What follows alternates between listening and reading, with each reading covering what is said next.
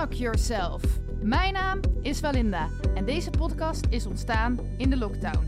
In deze podcast interview ik inspirerende mensen over hun levenslessen en wijsheden.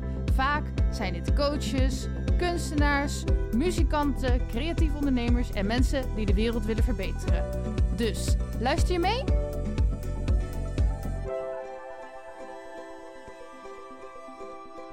En er is weer een nieuwe gast in mijn podcast. Ja, Wie- hallo. Ja. Wie ben Leuk om je? hier te zijn. Ik ben Robert, ben ik. Oké, en wie is Robert? Eh, misschien is het handig mijn hele naam erbij te noemen. Robert Meijer ben ik. En Mhm. eh, ik ben een... eh, nou, in de breed... Ik denk... Ja, het is- ik vind het een beetje moeilijk om mezelf te duiden als wat ik doe. Want ik doe eigenlijk meer, meer een beetje twee dingen, denk ik. Mhm. Maar ik ben in de eerste plaats, zou ik zeggen, muzikant. Ja. Ja. Dit klinkt heel pretentieus. Maar ik wil er weer van... Ik doe ook comedy sketches met vrienden van me, zullen we zeggen. En ik Oh. weet niet zo goed wat soort van... Welke van de twee dan eerst hoort, zeg Mhm. maar. Maar ik zou zeggen in de eerste plaats dan muzikant. Ja. Cool. Ja, ik, dat van die comedy sketches wist ik helemaal niet.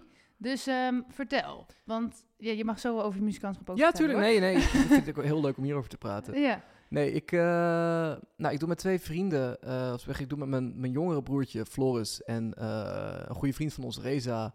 Eh, maken we, zullen we zeggen, met name een beetje muziek georiënteerde comedy sketches. Dus mensen pakken gewoon een genre wat we grappig vinden. Of een soort van, eh, waar we, zullen we zeggen, denken van, oh, daar kunnen we wel een soort van op een komisch niveau. Veel muziek heeft wel iets van een soort van komisch element, weet je wel. Mhm. Vooral eh, acts die een hele duidelijke gimmick hebben. Zoals we hebben ooit een keer iets op Kraftwerk, maar een soort van Kraftwerk-achtig iets gedaan, omdat we het heel komisch vonden. En we hebben vorige zomer hebben we een eh nep-documentaire opgenomen over een fictieve punkband uit Amsterdam uit de jaren 80. Mhm. Ik hou ook heel erg van punk, dus dat was ook makkelijk om een soort van te putten uit die bron, zeg maar. Mhm.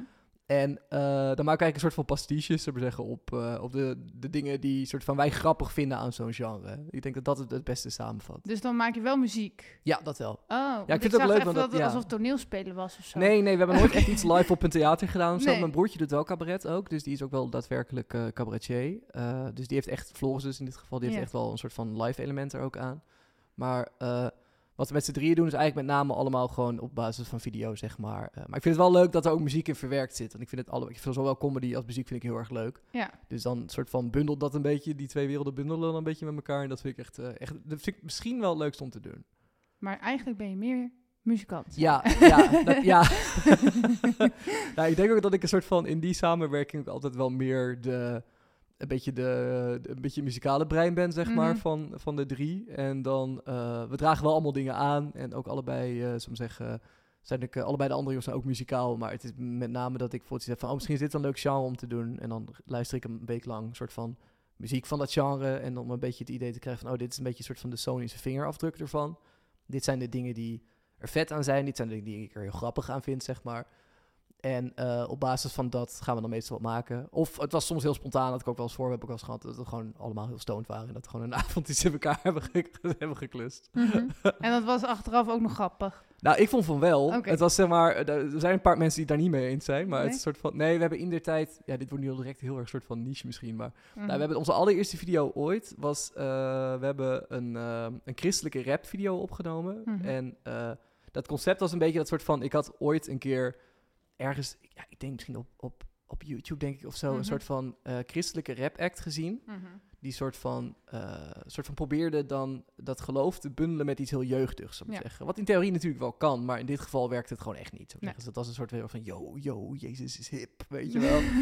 En ik had echt zoiets van, ja, ik vind dit gewoon zo grappig en zo de plank mis. Een soort van, hier, hier moeten we eigenlijk wat mee. En toen Mhm. een keer op een avondje, toen eh, waren Reza en Floris, om zeggen, die waren allebei bij mij thuis. En eh, we hadden al wel wat, wat jointjes achter de kiezen, zeg maar. En ik ben toen ergens om een uur of half twee s'nachts ben ik beats gaan programmeren op mijn computer. Ook heel shit allemaal, want ik wist helemaal niet dat dat moest. Toen heb ik Floris gevraagd om daar... Heb ik daar zelf eerst een soort van verse... Ik twijfel een beetje om dat weer te woord te gebruiken, maar Mhm. een verse overheen gerapt.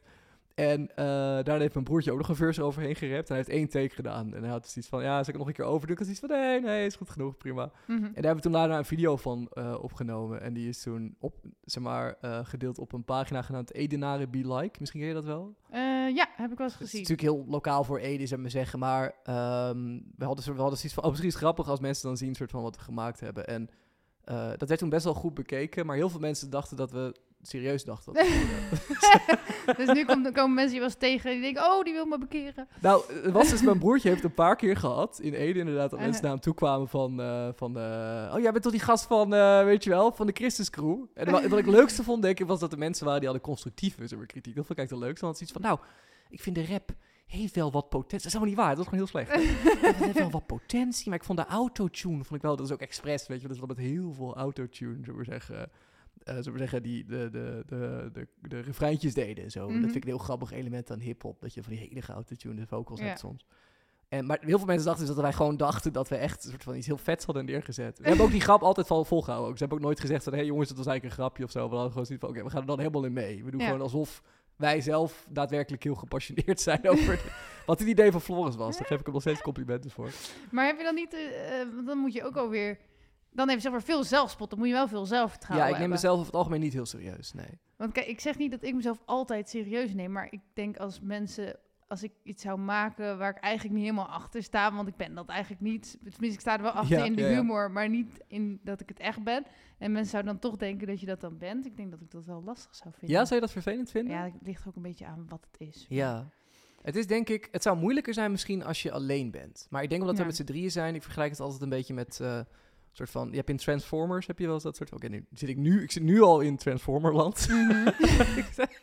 Dan heb je een soort van, oké, nou, dit is eh, misschien een beetje specifiek, maar in Transformers heb je wel eens dat soort van, kijk, Transformers zijn robots, weet Mhm. je wel? En die kunnen auto's veranderen en het zijn zeg maar robots, dus een soort van kunnen ook dan weer terug veranderen naar robots. Maar wat ze ook kunnen doen, is eh fusen met elkaar. Mhm. Dus dan heb je een soort van drie van die robots, die komen dan tot elkaar, tot één grote robot. En dan staan ze wat sterker of zo, zeg maar. Mhm. En zo ervaar ik die samenwerking ook een beetje. Dus het is Ja. een klein beetje gewoon De drie eenheid. ja, een beetje zo van, ja, precies, ja, ja. Misschien is dat een wat, wat mooiere manier om te zeggen.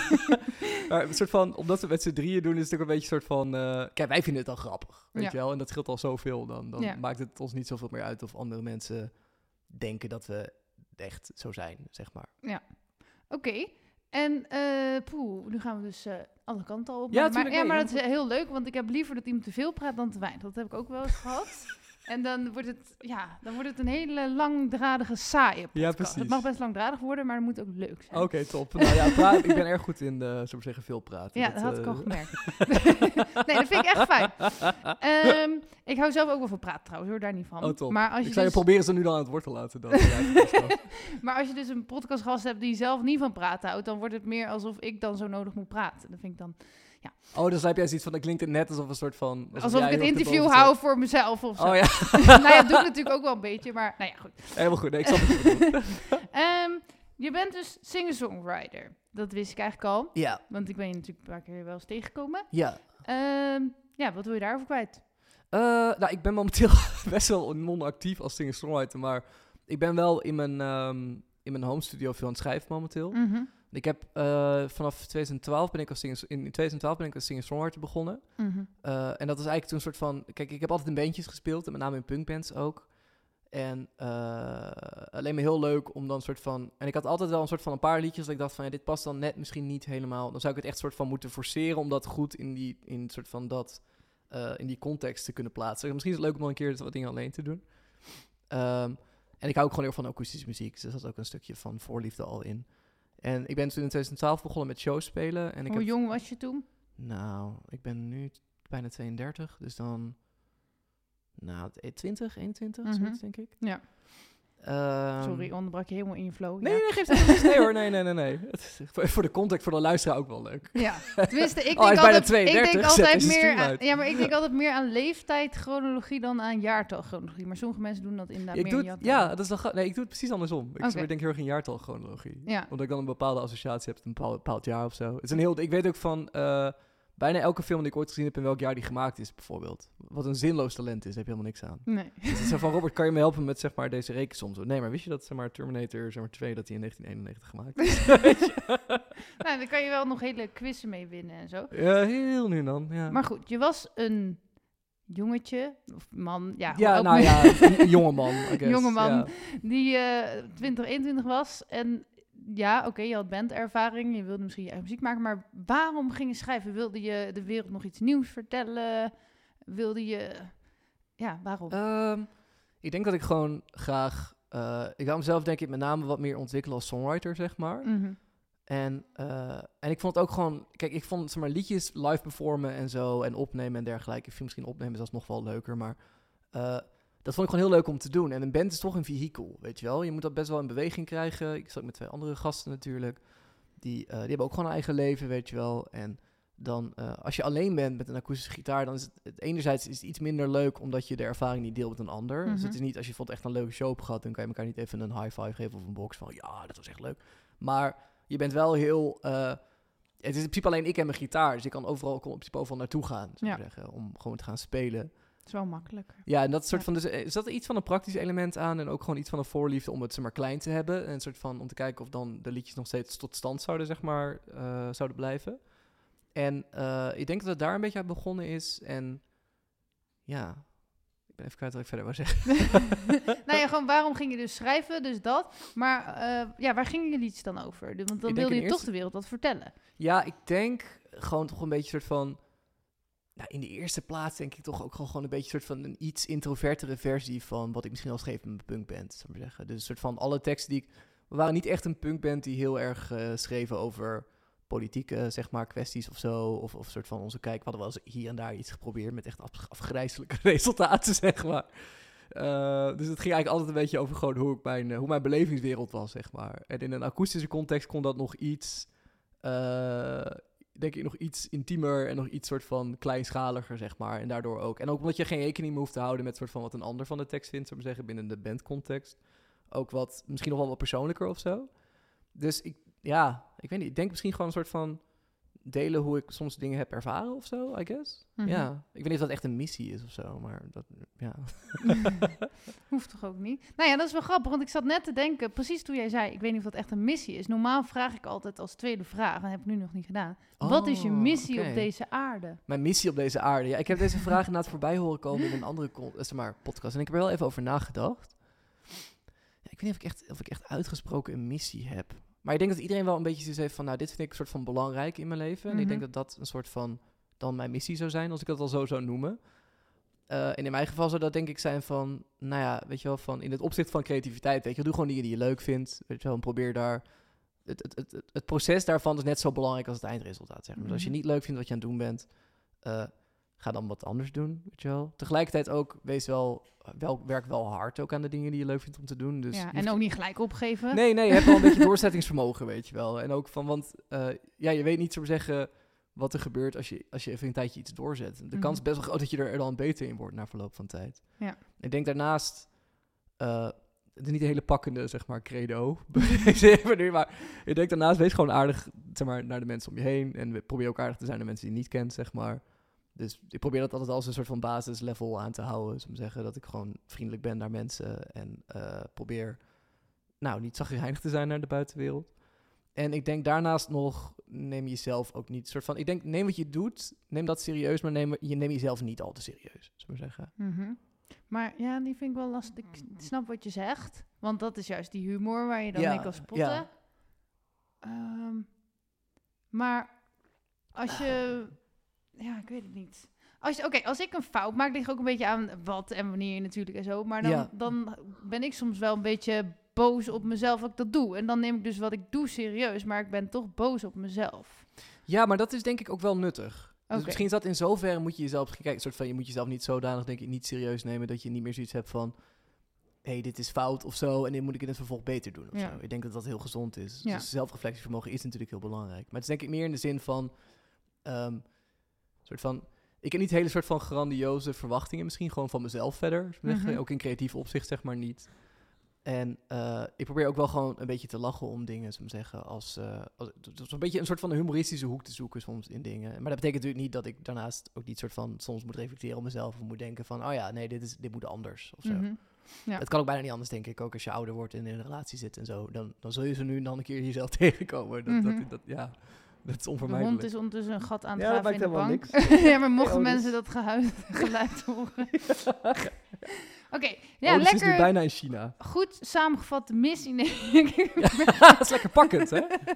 Zal ik het proberen pakkender? Zeg maar, het dus ik mag, denk- het hoeft niet. Ik denk, zeg maar, oké, eh, zeg maar, wees, eh, wees vriendelijk, zou ik zeggen. Of probeer in ieder geval altijd vriendelijk te zijn. Dat lukt nooit natuurlijk altijd, maar Mhm. probeer vriendelijk te zijn.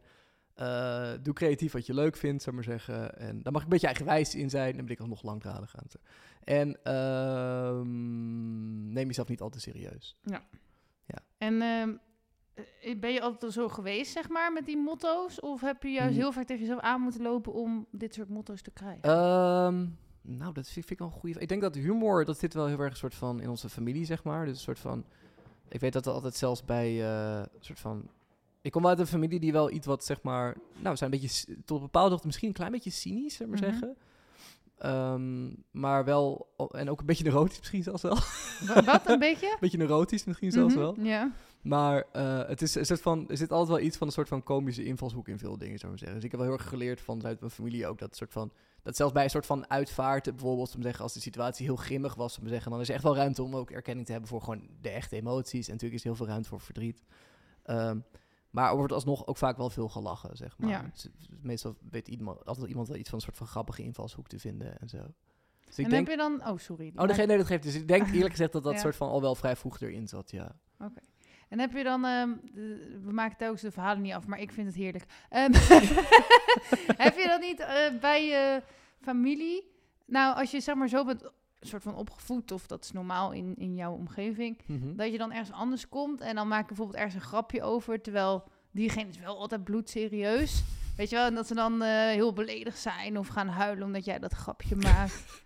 Ik heb dit eigenlijk nog nooit. Nu, dat is een goede vraag. ja, Ik geloof niet dat ik dat ooit heb meegemaakt tot dusver. oké. Dan denk hebben van mezelf- hele botte humor misschien. Nee, dat vind ik nog wel meevallen, Ja. inderdaad. Ja. Nee, kijk, ik zou heus als ik iets gezegd heb dat iemand denkt van, nou, of je nou, ja, maar ik, ik geloof niet dat. Ik denk van mezelf dat ik vrij. Maar misschien ben ik gewoon zo do- toondoof ervoor geworden dat ik het niet door heb. Dat kan natuurlijk ook. Maar, Iedereen de hele dag beledigd Ja. wat jij zegt. ik denk, vinden ze mijn gezelschap leuk. Nee, een soort van, ik heb zelf het idee dat ik relatief goed aanvoel hoe de sfeer is ergens. En het, ook de dynamiek tussen mij en andere mensen is ook wel weer iets anders dan bijvoorbeeld... Als, kijk, als ik met mijn broer ben bijvoorbeeld Mhm. en met, met Reza, dus die jongens van Smuddy Buddy zeg maar, dan, Mhm. eh, dan is eigenlijk alles een soort van geoorloofd, weet je wel. Dus het is een soort van, we maken allemaal grapjes over elkaar en zo. En er zit gewoon heel veel... eh soort van zelfspot zeg maar, van ons allemaal. We weten ook precies wat we aan elkaar hebben. Ze weten ook allemaal dat dat er niet een serieuze, zeg maar zeggen. We zijn heel gek op elkaar en daarom zijn we juist zeg maar, altijd bij elkaar aan het klooien, zeg maar. Eh, als ik in een andere setting zou zijn, zou ik dat misschien ook minder doen, zeg maar zeggen. Dus ik denk dat je ook wel... Ik pas mezelf in zoverre dan ook wel een beetje aan, denk Ja. ik. Het klinkt wel echt alsof je heel onbezorgd bent. Ja, dat klopt helemaal niet. Nee? nee, Oh. totaal niet. nee. Gelukkig. Nee, sorry. Nee. ik, wil, ik ben blij dat ik die vibe afgeef, maar dat is echt helemaal niet zo. Nee, nee ik ben echt een zeer, eh hoe heet het, eh, bezorgd persoon. Ik ben Ja? een heel angstig, zullen we zeggen, bezorgd persoon, denk ik. Ja. Vertel, waar ben je allemaal bezorgd of angstig over? Nou, ik heb, eh, ik heb OCD. Ik weet niet of je zeg maar een beetje weet wat dat, dat is volgens mij een dwangstoornis. Ja, het is een dwangstoornis inderdaad, ja. Maar doe je dan ook, zeg maar, bijvoorbeeld, weet ik veel, ehm, drie keer de deur op slot en open, zoiets? Of? Onder andere, ja, nou die heb ik dan specifiek niet gehad, maar een soort van, het komt in heel verschillende vormen, zullen we Mhm. zeggen. Je moet dat een beetje zien als, eh zullen we zeggen, dat noemen ze compulsies, zullen we maar zeggen. En dat Mhm. is echt zo, zo breed als het hoog is, zeg maar. Eh, ik weet niet of ik dat goed zei zojuist, maar... Maar het komt er een beetje op neer dat je bijvoorbeeld... eh, zeg maar wat jij noemt bijvoorbeeld hier als voorbeeld... dat bijvoorbeeld iemand de deur open en Ja. dicht. Een soort van, dat is echt een soort van klassiek soort van patroon, zeg maar, OCD. Dus dat zijn mensen die heel gevoelig zijn van... ik moet dingen op een bepaald patroon doen, anders dan...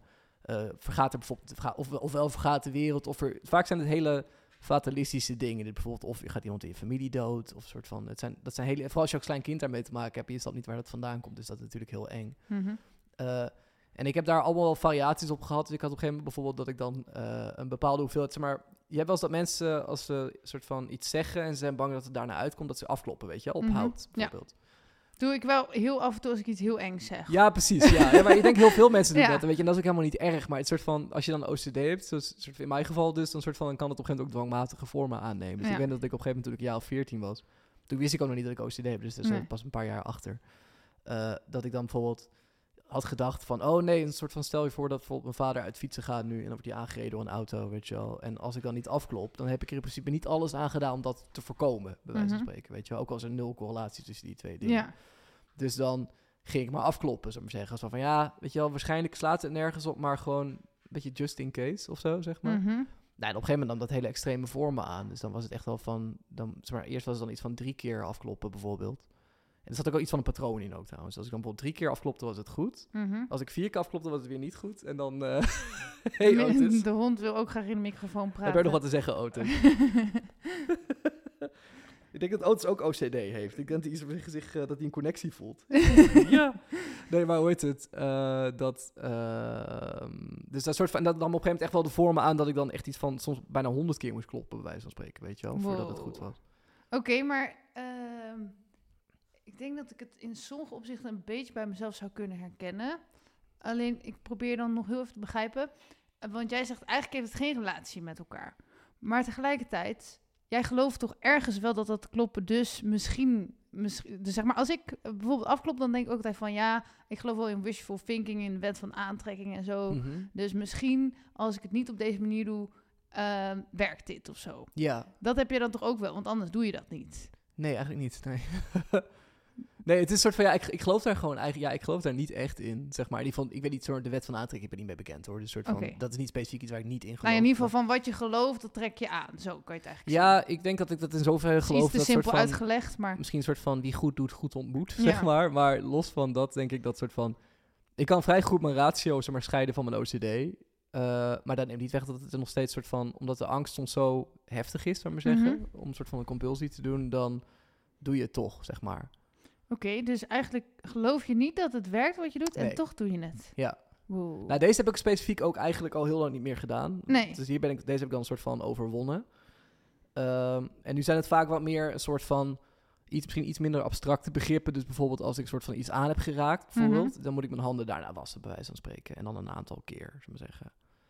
Wow. Ja, ik probeer even, want eh, als je het trouwens niet te veel over wil hebben, nee vraag ik heb een geen enkel probleem. Ik, ga me er totaal verder niet Want ik, kan, zo. ik hou ook alweer een beetje van de therapeut uithangen natuurlijk. Ehm, Hoe denken je ouders dan? nee, dat hoef ik niet te weten. Maar meer van ehm, je handen.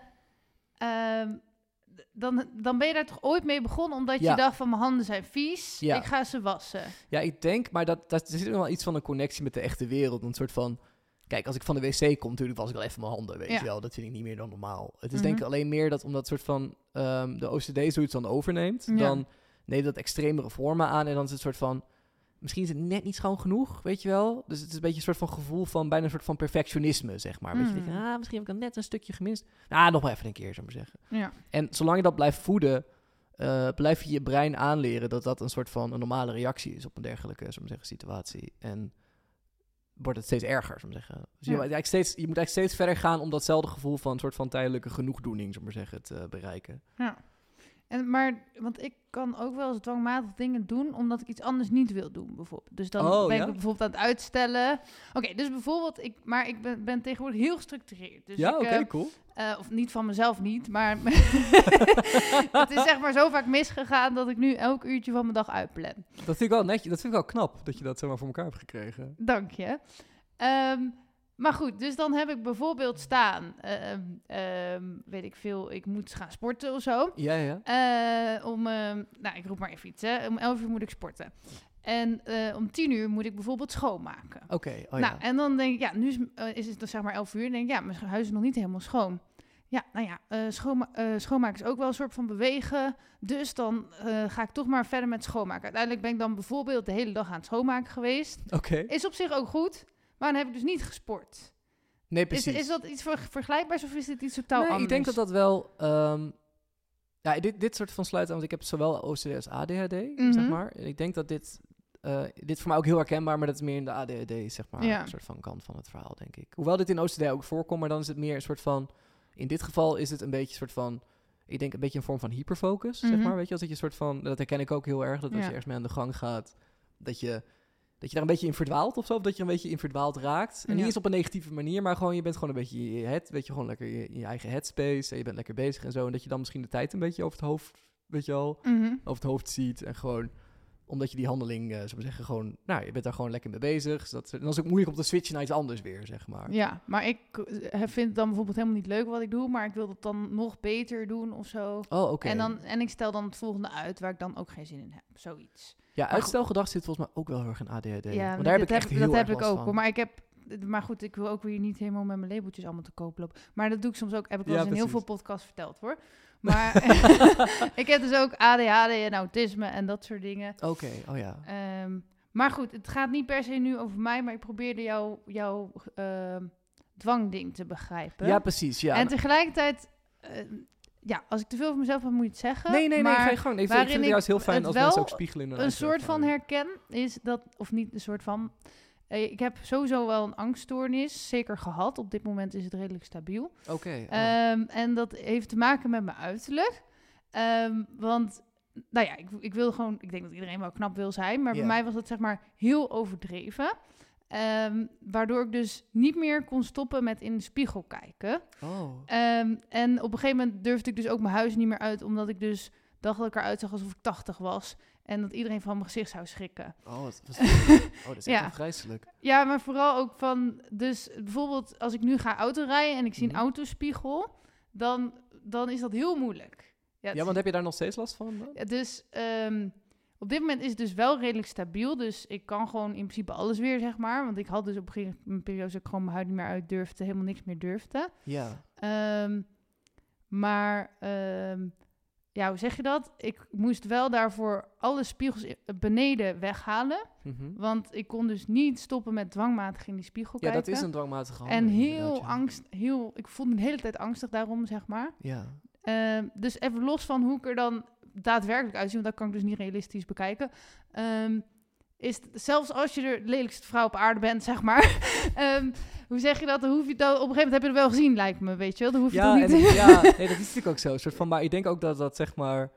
Het is waarschijnlijk meer een soort van... ehm, want ik herken dit heel erg ook. Mhm. Soort van, dit is ook iets wat er maar veel voorkomt bij mensen met, eh, met dwangklachten inderdaad. Ja. Ja. Ik heb zelf ook een vorm van BDD gehad, een Ja. paar jaar. ja, zo heet dat dan BDD inderdaad. Ja, het is een soort van body dysmorphic maar deze is dan officieel niet bij me vastgesteld, maar die kan ik wel bij mezelf vaststellen. Ja, ik wil je natuurlijk niet diagnosticeren of Nee, zo, hoor. maar maar, dit- het, dit wel, het, is- het klinkt wel heel, zeg maar, Ja. eh, heel herkenbaar. Ja. Ja. Ik heb precies, eigenlijk precies hetzelfde gehad, ook een paar jaar. En op een gegeven moment, ik dacht van, die spiegels eh, beneden, die, die wilde ik eerst niet weghalen. Want ik dacht, dan geef ik toe. ja. Maar op een gegeven moment dacht ik, ja, als het me zoveel rust geeft, dan kan ik het beter gewoon wel doen. Dus dat heeft al heel erg geholpen. Ehm, Omdat je gewoon een soort van op een gegeven moment stopte met het checken en dat ook de behoefte van het checken zeg maar, op een gegeven moment dan voorbij gaat, zeg maar. nee, dus die behoefte is er altijd. Maar als oh ik ja. dus niet een spiegel zie, dan, dan kan ik die behoefte negeren. Maar als die er is, dan kan ik dus niet stoppen. Oké, oh ja. Dus daarom is een autospiegel zo lastig, want daar moet je in kijken. maar inmiddels heb ik mezelf dus wel aangeleerd om vooral functioneel in de spiegel te kijken. Dus van, hè, als je haar gaat borstelen of Ja, je gaat make-up doen, dan Ja. moet je wel zien wat je doet. Ja. Maar voor de rest probeer ik dan verder niet meer te oordelen, zeg maar. Dat is heel moeilijk. ja, dat is echt heel lastig inderdaad, ja.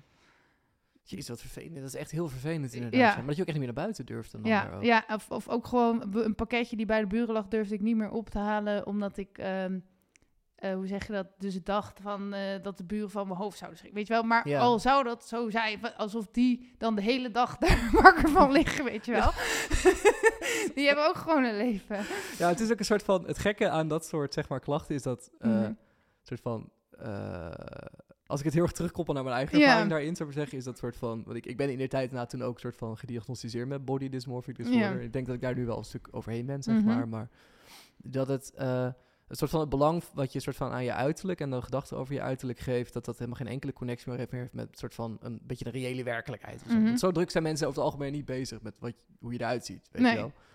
En Eh. zelfs als je er dus niet uitziet, dan zien ze dat, maar daarna gaan ze weer verder met hun leven. Ja, en ook van, wat, Ja. zijn je, wat zijn je opties? Weet je wel, van, ik bedoel, je moet ook een leven kunnen leiden, Ja. weet je wel. Van, dus Ja. Het is ook helemaal niet fair naar jezelf toe, Nee. zeggen. Maar ik herken het wel, ik, kan- ik kan wel voorstellen hoe, hoe die, eh, die zo'n obsessie, echt, dat is ook echt een obsessieve angst natuurlijk, hoe dat je leven echt ontzettend, Ja. ontzettend negatief kan beïnvloeden. Ik denk Ja. dat ik Of ook als ik dan bijvoorbeeld met jou zou praten, dat heb ik nu dus niet. Gelukkig, maar dan ben ik dus de hele tijd angstig van, oh jee, nu schrikt hij van mijn gezicht, dus nu durf ik hem niet aan te kijken of zo. Terwijl, ja, alsof ik je nou wel of niet aankijkt, je ziet toch wel mijn gezicht. Ja, maar het is meer een soort van, met body dysmorphic disorder, ik begin nu echt steeds meer een soort Ja, ja. van therapie sessie En worden. boeien, mensen mogen zich erin Nee, maar ik vind het ook, het is ook goed Ja. dat soort van. Ik vind het ook fijn om dit, over dit soort dingen gewoon openlijk te praten. Want het is ook onder mannen is het een beetje een soort van stigma, zeg maar. Of ja, Mhm. niet echt een stigma, maar een soort van. Hier praat je niet echt over met je bro's, zeg maar. Nee. Ik heb wel vrienden waar ik er wel mee over kan praten, Mhm. zullen we maar zeggen. Maar dit is een soort van. eh, ik denk dat veel mensen er liever niet over praten. Maar ik denk wel dat het een beetje wordt verward met een soort van vorm van ijdelheid. Mhm. Terwijl het heeft niet zoveel te maken met ijdelheid in mijn ervaring. Het is meer gewoon. Je bent. eh, je wil gewoon graag normaal zijn, zeg maar. Ja. Dat is het. Het is niet dat je hebt van, oh, ik moet in de spiegel kijken en ik moet elke keer een soort van filmster zien. Maar nou ja, dat had ik ook nog wel. Ja, oh, oké. ja, Nou, ik zal even voor mezelf spreken dan. maar normaal is al fijn, ja. Maar was dat dan een soort van, eh, wat, hoe bedoel je dat dan? Zo dat je dat zo wel had? Oké, hoe kan ik het nou uitleggen? Maar het is een heel ingewikkeld verhaal en dan gaat de podcast wel veel te veel voor mij. Maar goed, we hebben Nee, maar ik anderhalf vind het uur en we. Het zitten pas op een half uur. Ja joh, maar dat is ook prima toch? Ehm, Dat is ook een natuurlijk flow van het Oké, gesprek. het begon met... ehm, even denken. Laat ik zeggen, ik, ik ben nu dus 31. En ik was iets van 24 of 25 kwam ik dus mensen tegen die bezig waren met de wet van aantrekking. En kort samengevat zeiden ze, als je maar hard genoeg gelooft, kan je alles aantrekken wat je wilt. Maar dat ging dus ook... Want kijk, als je natuurlijk eh, heel veel gaat gitaar spelen, word je een goede gitarist. Dus dan is het heel logisch of zo. Of als Ja. je heel veel gaat werken, krijg je meer geld. Dat is ook logisch. Maar zij zeiden ook bijvoorbeeld, als je gelooft dat je een derde arm kan laten groeien en je gelooft het echt, dan kan het. Zover ging het, Oké, oh ja. En Dat is best toen- heftig. Ja. Ja. en toen ging ik daar dus heel erg veel mee experimenteren. Oké, Dus ik ging allemaal dingen opschrijven die ik wilde en me zo voelen. Ja. En dat heeft me ook ver gebracht. Want, nou, ver. Het is niet zo dat ik nu super succesvol ben of zo. Maar ehm, het heeft me wel bijvoorbeeld dat ik liedjes ging schrijven. Dat ik ja, ging het heeft je zelfvertrouwen gegeven. Ja. Als ik het zo, ja, ja. Ja. En anders had ik nooit bijvoorbeeld liedjes geschreven. Maar ehm, toen op een gegeven moment dacht ik, ja, als echt alles kan, dan wil ik gewoon de knapste vrouw op aarde zijn. En ik vond mezelf dus eigenlijk al niet zo knap. Oké, Zo moet je het oh dan ja. natuurlijk zien. Maar niet, ik weet niet of ik mezelf echt lelijk vond. In ieder geval. Maar een soort van je, soort van je, je basis, soort van je beginpunt was niet per se een soort van voor jouw gevoel, een soort van oh ik ben nu tevreden of Nee. zo. zeggen. En dan kan het alleen maar beter worden Ja. vanaf daar. Nou, dus ik dacht, nou, dan moet ik me dus gaan... Want je moet je dus voelen alsof het al zo is. En dan komt het van, ja, vanzelf naar je toe of zo door de energie die je uitstraalt. Oké, ja. Dus ik dacht, nou, dan moet ik me dus nu gewoon de knapste vrouw op aarde gaan voelen. Oké. en het- toen ben ik heel veel afgevallen ook nog. Ja. Ehm, en eh, ik ging wat meer make-up dragen. En toen ging ik uit. En echt van de een op de andere dag had ik echt super veel chance. En daarvoor nooit. Oké. Dus jij had iets van, yo, deze shit werkt. Dat was zo bizar. Echt honderden mannen kwamen gewoon achter me aanrennen, zeg maar. Wat een gedoe. Het is van mannen, mannen. Nou ja, en Eén ik, vond, tegelijk. ik vond het dus heel leuk, zeg maar. Ja, tuurlijk. Maar als je niet lekker in je vel zit, is het natuurlijk fijn dus ik dacht echt van, ja. En er waren ook mensen die aan mij vroegen of ik topmodel was. Ook Oh, nog. Ja. cool, nice. Dus het werkte echt, of zo. ja. Maar ja, hoe, dat weet ik dus ook niet. Misschien, weet je wel, misschien was het gewoon puur het zelfvertrouwen waardoor je dat meer uitstraalt. Nou, ik denk dat dat wel een rol kan spelen, zeker. Ik denk als je dat soort van... Maar voelde je dan ook echt zelfverzekerd op dat moment? Of was het meer een soort van... Was het meer een frontje, op dat moment, ja, allebei een beetje. Oh ja. Ehm, het was meer een soort rol, maar het voelde op dat moment wel echt zo. Nou, en toen ging ik dus in de spiegel kijken, de volgende dag of zo. En toen zag ik bij shit, ik heb wallen en ik krijg rimpels. En toen dacht ik maar, wat je aandacht geeft, groeit. Ja, Dus hier mag ik geen aandacht aan geven. Oké. Maar ja, toen ging ik, shit, ik krijg ze wel, maar ik mag er niet aan denken. En, Ja, het is een soort van... Denk niet aan een gele kanarie ja, of zo, en toch? toen ja. begon het dus eigenlijk. En dat is dus met de jaren opgestapeld. Oké. En ja, je wordt natuurlijk wel, ik bedoel, ik ben nu ook geen twintig meer. dus ik word nu natuurlijk ook langzaam wat ouder. En dan krijg je de eerste rimpeltjes en zo. Ja, en, dan, en in mijn hoofd is dat geworden dat ik dus als een heel oud, lelijk iemand eruit zie. eh, die dus op een gegeven moment zelfs niet meer de deur uit durfde. Is dit zeg maar... Dit is een is soort korte is samenvatting. recent, of is het zeg maar... Nou, dit is iets wat al jaren speelt. Oké. Ehm, maar in principe sinds een half jaar is het weer leefbaar, laten we het zo zeggen. oh, een half jaar pas? Ja. Shit. Ja. Holy shit. Het is ook zo na, ja, het is ook zo na. Ik vind het gewoon... Ja, ik weet niet. Ik, ik heb hier wel... Ik vind het gewoon heel naar voor je, dit. Want ik, Ja. gewoon- ik kan me gewoon heel goed voorstellen hoe dat is. Mhm. Ik denk dat ik een soort van de eerste... soort van... Zoals het voor mij soort van het ergste, zeg maar, soort van manifesteerde, zou ik zeggen, die Mhm. BDD, is denk ik dat soort van... Ik was er vrij jong bij, dus ik had Mhm. zeg maar... eh, nou, ik denk dat ik op mijn 16e of 17e, ik had zeg maar een vrij onbezorgde middelbare schooltijd. De Mhm. eerste niet, de Brukkels was afgrijzelijk. ik kwam zeg maar in, eh, ik, zei, ik kwam van de basisschool en ik, eh, ik ben in Lunter opgegroeid. Dus het is een beetje dorps, weet je wel, een kleinschalig en iedereen kent iedereen. Dus dat is best wel een soort van veilige, zeg maar, setting, weet je wel. En eh, toen ging ik naar de middelbare school en het was in Ede. Dat zijn toch een ander soort, maar iets ander soort kinderen, zeker in die tijd ook. En, eh, en ik was nog helemaal een soort van into... Kijk, ik ben altijd een nerd geweest, weet je wel. Dus ik was helemaal into een soort van Yu-Gi-Oh! kaarten bijvoorbeeld. Dat was toen heel populair. En eh, Star Wars. En ik had zo'n Harry Potter brilletje, weet je wel. Zo'n Mhm. brilletje en een heel stom kapsel. Dus ik was echt rijp voor de pesters, zeg Mhm. maar. En eh, dat was heel zwaar. Dat heeft, niet, dat heeft denk ik ook mijn zelfvertrouwen wel een beetje een tik gegeven toen, zou ik maar zeggen. Mhm. Dat ik soort van, ik denk, ik heb achteraf wel eens gedacht van, oh ja, misschien is dat toch de reden waarom ik altijd vrij negatief over mezelf denk, zeg maar, in veel Ja. contexten. Maar daarna was mijn, zeg maar, mijn middelbare schooltijd, eh, ik kwam daarna op een andere school en daar waren veel meer kinderen zoals ik, zo met ADHD en OCD en ook PDD-NOS en zo. Mhm. En eh, daar heb ik ontzettend leuke tijd gehad. En toen op een gegeven moment, toen rond mijn 16 gingen ook mijn ouders uit elkaar. En dan word je ook onzeker over van alles en nog wat. Mhm. Van, je betrekt er toch een soort van op jezelf, denk ik. Ja. En toen zijn een soort van die BDD-klachten begonnen. En eh, waar ik denk ik het meeste soort van, wat ik het vervelendst vind, denk ik, aan die BDD-klachten, is dat ik een soort van, de eerste soort van paar jaar, soort van, dat ik bijvoorbeeld 20 was. En ook een soort van de late, mijn latere tienerjaren en zo, dat ik dat ik, ik heb best wel veel dingen gedaan toen, weet je wel, gewoon Mhm. sociaal. Dus ik was maar veel gefeest en ook veel optredens gedaan en zo. Maar ik genoot eigenlijk nergens van. Dus ik vond niks leuk om te doen. Omdat ik altijd zo... Er was altijd een soort van, ehm, soort van white noise in mijn, soort van mijn hoofd bezig. Met soort van die BDD-klachten en die body dysmorphic disorders. Het kon bijvoorbeeld zijn dat ik in gesprek was met iemand. En dan had dat in potentie een heel leuk gesprek kunnen zijn. Ja. Maar omdat mijn brein alleen maar aan het uitzenden was, is van... Die persoon vind je heel onaantrekkelijk. Die persoon vind je... le- Ja, probeer dan maar eens even gezellig te focussen op een gesprek, weet je wel. En dat is denk ik een soort van... Daarom voel ik ook heel erg soort van... Ja. Weet je, hoe je dat vertelt, soort van hoe... eh, dat je toch een soort, bijna een soort van rouw hebt voor de tijd die je verliest daardoor. Of. Ja. Maar dat is zo zonde, weet je wel. Je Mhm. hebt er zo niks aan. En waarschijnlijk is diegene daar helemaal niet mee bezig. Of Totaal niet, Nee. nee. nee, Natuurlijk, iedereen heeft een eerste indruk, maar die heb je dan gehad en dan ga je gewoon aardig tegen iemand Ja, het en, ja, weet je wel. En ik bedoel, stel dat iemand alleen maar op basis van je uiterlijk... Kijk, het hangt natuurlijk een beetje vanaf wat voor setting het is. Ik kan me voorstellen, als je met iemand op date gaat, speelt dat misschien een wat grotere rol. Ja. Maar dat was helemaal eigenlijk hier helemaal niet aan de orde. Dit waren gewoon mensen die gewoon vrienden van me bijvoorbeeld, weet je wel. Ja. Op bij wijze van spreken de barman achter de bar, weet je wel. Maar als je dan al iets voelde van een soort van gevoel van oordeel, zullen we maar zeggen, dan kon dat eigenlijk mijn hele avond al een soort van verzieken. En dat zat allemaal in mijn eigen hoofd. Dus Ja. dat is denk ik wat... In zoverre heeft BDD mijn leven toen wel beschadigd, zeg maar. Ja. Ik heb ook wel vaak het gevoel van... Die jaren, zullen we maar zeggen, ik ben nu best wel gelukkig, maar die jaren die krijg ik niet meer terug. Of zo, die zijn gewoon weg, zeg maar. Ja. Nou ja, ja, bij mij is het ook weer soms wisselend geweest. Dat ik dan Ja? weer... Dus dan, ik kan bijvoorbeeld dan 's ochtends denken... Ah, iedereen vindt me lelijk. En dan s'avonds denken opeens... Iedereen vindt me knap. Dat, ja, dat Ja, is- maar ik, ik denk ook dat er... zit, dat, dat, die periodes heb ik ook wel gehad, denk ik. Maar misschien zit er toch iets van een soort van... En ook het heeft licht valt en zo. Een beetje man, ja, ja, ja, zeker. Oh man, ik heb hier hele gesprekken over gehad met andere mensen ook. Je soort van, ja, maar als ik in dit licht sta, dan vind ik mezelf wel oké Ja. of zo, weet je. Maar als het dan dit licht van deze Ja, kant op nou, ligt, daar kan ik dus eeuwen, eeuwen op studeren... terwijl anderen dat gewoon los kunnen Ja, terwijl laten. anderen denken, lekker weertje vandaag. Oh, wel goed Dat fluiten. Goed, leuk. Maar wat wil ik nog meer zeggen over... ehm, dat is wel een goede wat jij zegt over dat, dat manische... eh, en, en ehm, het schijnt dus als je... Volgens mij is dat endorfine, maar weet ik niet helemaal zeker. Er is in ieder geval een van de gelukstofjes. Ja? Ehm, als die stroomt, dan voel je ook meer zelfvertrouwen, ook over je uiterlijk. En Oh, ja, oké, en, ja. ehm, dus, dus soms bij depressie kan het dus zijn dat een van die stofjes niet stroomt. Mhm. En dan voel je dus ook veel lelijker, gek genoeg. Ja, maar dat maakt ook wel sens, denk ik. Inderdaad, ja. Dat klinkt heel logisch in ieder geval. En ik heb dus darmklachten. Maar goed, nu lijkt dit alsof we alleen maar zielig verhalen hebben. Ehm, maar dat heb ik al mijn hele leven. En 90% van je gelukstof wordt aangemaakt in je darmen. Is dat zo? Ja. Is dat zo'n... Ik wist helemaal niet dat zo'n correlatie was. Ja. Dus als het bij mij in mijn darmen niet, niet lekker zit, zeg maar, dan kan het dus zijn dat ik me al wat depressiever voel.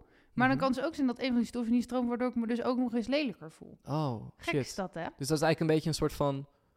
een soort van hele nare soort van combinatie van soort van klachten dan. Ja. Dus dan de ene klacht begint dan en dat sterkt dan de andere Maar ik denk dat heel veel mensen natuurlijk wel, als ze ziek zijn, voelen ze zich vast niet... Dat is wel, ja, als je verkouden bent. en Zo, dat heb ik nu zelfs nu nog wel eens dan. Dat soort van, ik heb in principe niet zoveel last meer van mijn BDD. Ik maar Mhm. zeggen. Ik, heb, ik voel me niet altijd, ik zit niet altijd top in mijn vel of zo, maar ik ga niks meer uit de weg, zeg maar. Mhm. En dat scheelt al heel veel. Ja. Eh, maar bijvoorbeeld als je dan bijvoorbeeld net griep hebt gehad, weet je wel, en je bent fucking verkouden en dan zit je in de bus. Ik, zit, ik woon in Wageningen, zeg maar. Dus ik zit Mhm. altijd in de bus met al van die hele knappe studenten die allemaal Oh, vol ja. hun leven van, ah, geweldig feest en zo. En dan voel ik me echt zo'n oude, weet je, oude verkouden man die daar zo, weet je zit. dus zelfs, Terwijl, ik, ik denk dat jij nog prima voor student doorkwam. Maar goed, ik ja. word vaak om een of andere reden jong geschat. Ja. Ja. ja. Geen idee waarom, maar een soort van, dat is een soort van, misschien heeft het komt door mijn stem, dat is mijn theorie. Nou, je hebt ook nog gewoon bijna geen rimpels, volgens mij. Nee, nog niet zo heel veel. Wat een wonder is met hoeveel zorgen ik me gemaakt heb. Misschien is dat het geheim. Goed, misschien hebben we nu genoeg over BND gepraat. Ja, je hebt Zeker voor gelijk, mensen ja. die er niks mee hebben. Ja, sorry mensen. Sorry, als dit eh, te inside baseball is, dan bied Nou ik ja, mij week nee, maar ik vind Maar ik het vind het wel tof dat mensen hierover kunnen praten. Ja, dat. dat ehm, misschien herkennen mensen zich er wel in. Ik vraag me trouwens ook nog af... Nou, ik denk dat heel veel mensen denken... Huh, maar zingen song... Ze, ze staan toch allebei wel eens op een podium? Hoe kunnen ze dan zo angstig zijn?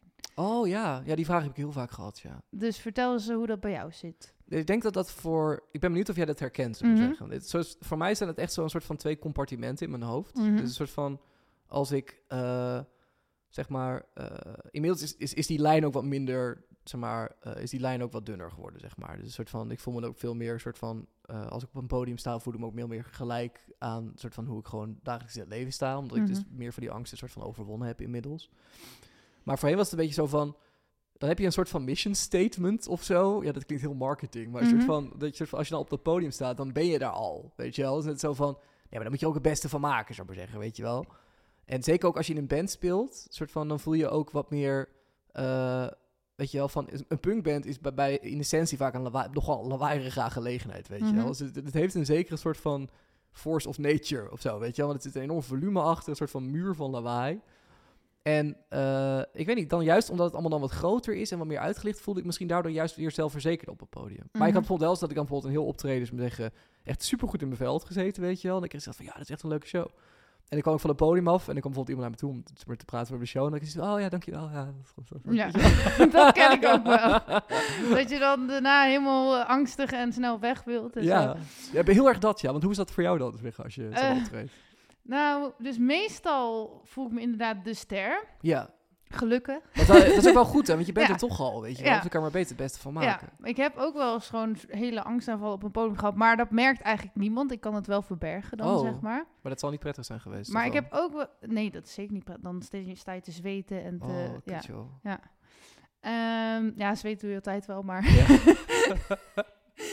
ik heb ook wel eens gehad, dat was niet op een podium, maar dat eh, ik bijvoorbeeld een keer iets aan het opnemen was. En toen had iemand... eh, er was een meisje die had het liedje Fuck Ik Miss Je gehoord en die was daar heel erg fan van. Oh, wat leuk, joh. En die zou dan langskomen in de studio om mij te ontmoeten. Maar ja, ik dacht echt van, ja, maar eh, ik ben ook maar gewoon een persoon. En dan, Ja. hoe moet ik dat dan gaan doen? ja, ik Ja. weet niet, ik werd er heel zenuwachtig van. En toen kwam zij binnen en ze was bloedmooi. Ook nog. En, en toen dacht ik, ja, maar dan ziet ze hoe ik er in het echt uitzie. En durf ik niet, ik durf haar niet van dichtbij te, weet je. en toen heb ik daarna dus heel erg op mijn kop gehad van, ja, eh, dit is een fan van jou, daar moet je mee praten. Je lijkt nu super arrogant en verwaand. Oh, dat dat je... Ja? En Maar toen- denk je dat zij dat ook dacht? Of soort Nou, oké, ik had toen eh, zeg maar een soort manager. eh, dat was in de, toen zat ik bij Stichting James W. Ja, ja, precies. En die hielpen mij. En toen, ja, James had dat zeg maar geregeld. Oké, oh ja. En ja, ik zou dus met haar moeten praten, wat Mhm, eigenlijk ja. natuurlijk heel goed was. Maar ik, ik durfde gewoon niet. Nee. maar je was gewoon geïntimideerd dan door haar of zo? Ja, en ik had zoiets van, ja, ik ben dan de ster of zo. En dan moet ik me ook zo Oh. gedragen. En straks ziet ze dat ik helemaal niet eh, zo zelfverzekerd ben. Of, zo, of dat ik ook mankementen heb. Dat vond ik heel eng. Ik vind het, ja, het is echt wel heel vervelend dat je dan zo'n soort van... Want eigenlijk, want kijk je daar nu dan nog steeds zo tegenaan? Of is dat Dus, dus, dus, dus in, ja, op dit moment in mijn leven voel ik me redelijk stabiel. Ja. Dus nu denk ik, nee, kom maar op met dat gesprek. Ja, precies, ja. Maar dat kan dus echt van, ik kan morgen opeens eh, helemaal instorten. Dat durf ik niet te voorspellen. nee, oké, oh ja. ja. ja. maar dat is natuurlijk helemaal prima ook, dat soort van... Kijk, kijk bijna... Kijk, als artiesten echt bigger, bigger than life zijn buiten het podium om... Mhm. Zijn ze vaak helemaal niet zo leuk. Nee.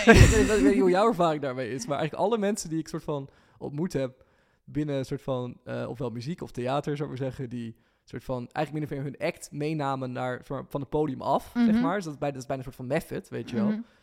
Die waren vaak gewoon onuitstaanbaar, weet je wel. Want juist de mensen die soort van heel leuk, gewoon heel normaal zijn, weet je wel, buiten het podium om, en die gewoon kwetsbaar zijn en gewoon echte mensen. Dan denk ik, dat maakt voor mij de connectie eigenlijk juist dieper, denk ik. Dat je denkt, Ja. oh wat leuk, je bent gewoon, weet je wel, ook gewoon een heel persoon naast je act of zo. Ja, maar ik heb bijvoorbeeld ook eens gehad dat iemand me alleen van mijn podcast kende. Dit wordt echt mijn psychologische podcast nu. Maar goed, Nee, dankjewel voor... en eh, dat diegene mij in het echt zag. En eh, eh, toen dacht ik, oh jee, ze kennen me alleen van mijn podcast. Ben ik dan wel zoals in mijn podcast?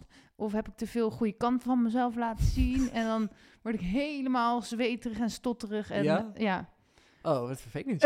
maar je bent gewoon jezelf, nu, nu toch ook, zeg maar. Dat... Ja, ja. nou ja, goed. Dit is heel lastig. Dus misschien zit het vooral in mijn hoofd. Er- Ervaren mensen dat helemaal niet zo Nee, ongemakkelijk nou, ik, als ik dat niet ik het dus zelf ervaar. Ik kan er niet voor de rest van de wereld spreken, zeg maar. Maar Nee. het is denk ik dat, ja... Maar ik snap wel wat je bedoelt hoor. Misschien is het ook een soort van... Kijk, ik denk dat je bijvoorbeeld ook best wel last hebt van... Dus na het soort van... eh, het zijn toch een soort van image-problemen die je hebt Mhm. natuurlijk... Als je zeg maar last hebt van polydysmorphic disorder. Ja. Niet dat ik dan nou weer helemaal terug wil halen hoor. Nee, maar ik bedoel meer van een soort van... ja. Om het contrast aan te geven. Dat soort van... ehm, je schept een bepaald... Het is denk ik een beetje vergelijkbaar met wat soms mensen bijvoorbeeld doen op Instagram, zeg maar. Ja. Dus je hebt wel eens mensen die bijvoorbeeld op Instagram... die dan hun foto's helemaal naar de, helemaal naar de face tunen. Weet je Mhm. wel? Een soort van... En, dan, en op een gegeven moment kan ik me voorstellen... dat als je dat heel veel doet... Mhm. dat je bijna niet meer helemaal terug kan ook. Omdat je dan denkt van... ja, maar ik heb nu al zo'n beeld van mezelf gecreëerd, weet je wel. Van... eh, ik vind dit overigens een ongezondere variant daarvan. Maar Mhm. Weet je wel, dan eh, soort van als mensen mij dan het echt zien, of ik post een foto van mezelf zonder al die filters en zonder al die soort van facetune, dan valt er wel ineens een heel stuk soort van, van prestige weg of zo. En dan ben ik gewoon maar dit, zeg Ja. maar.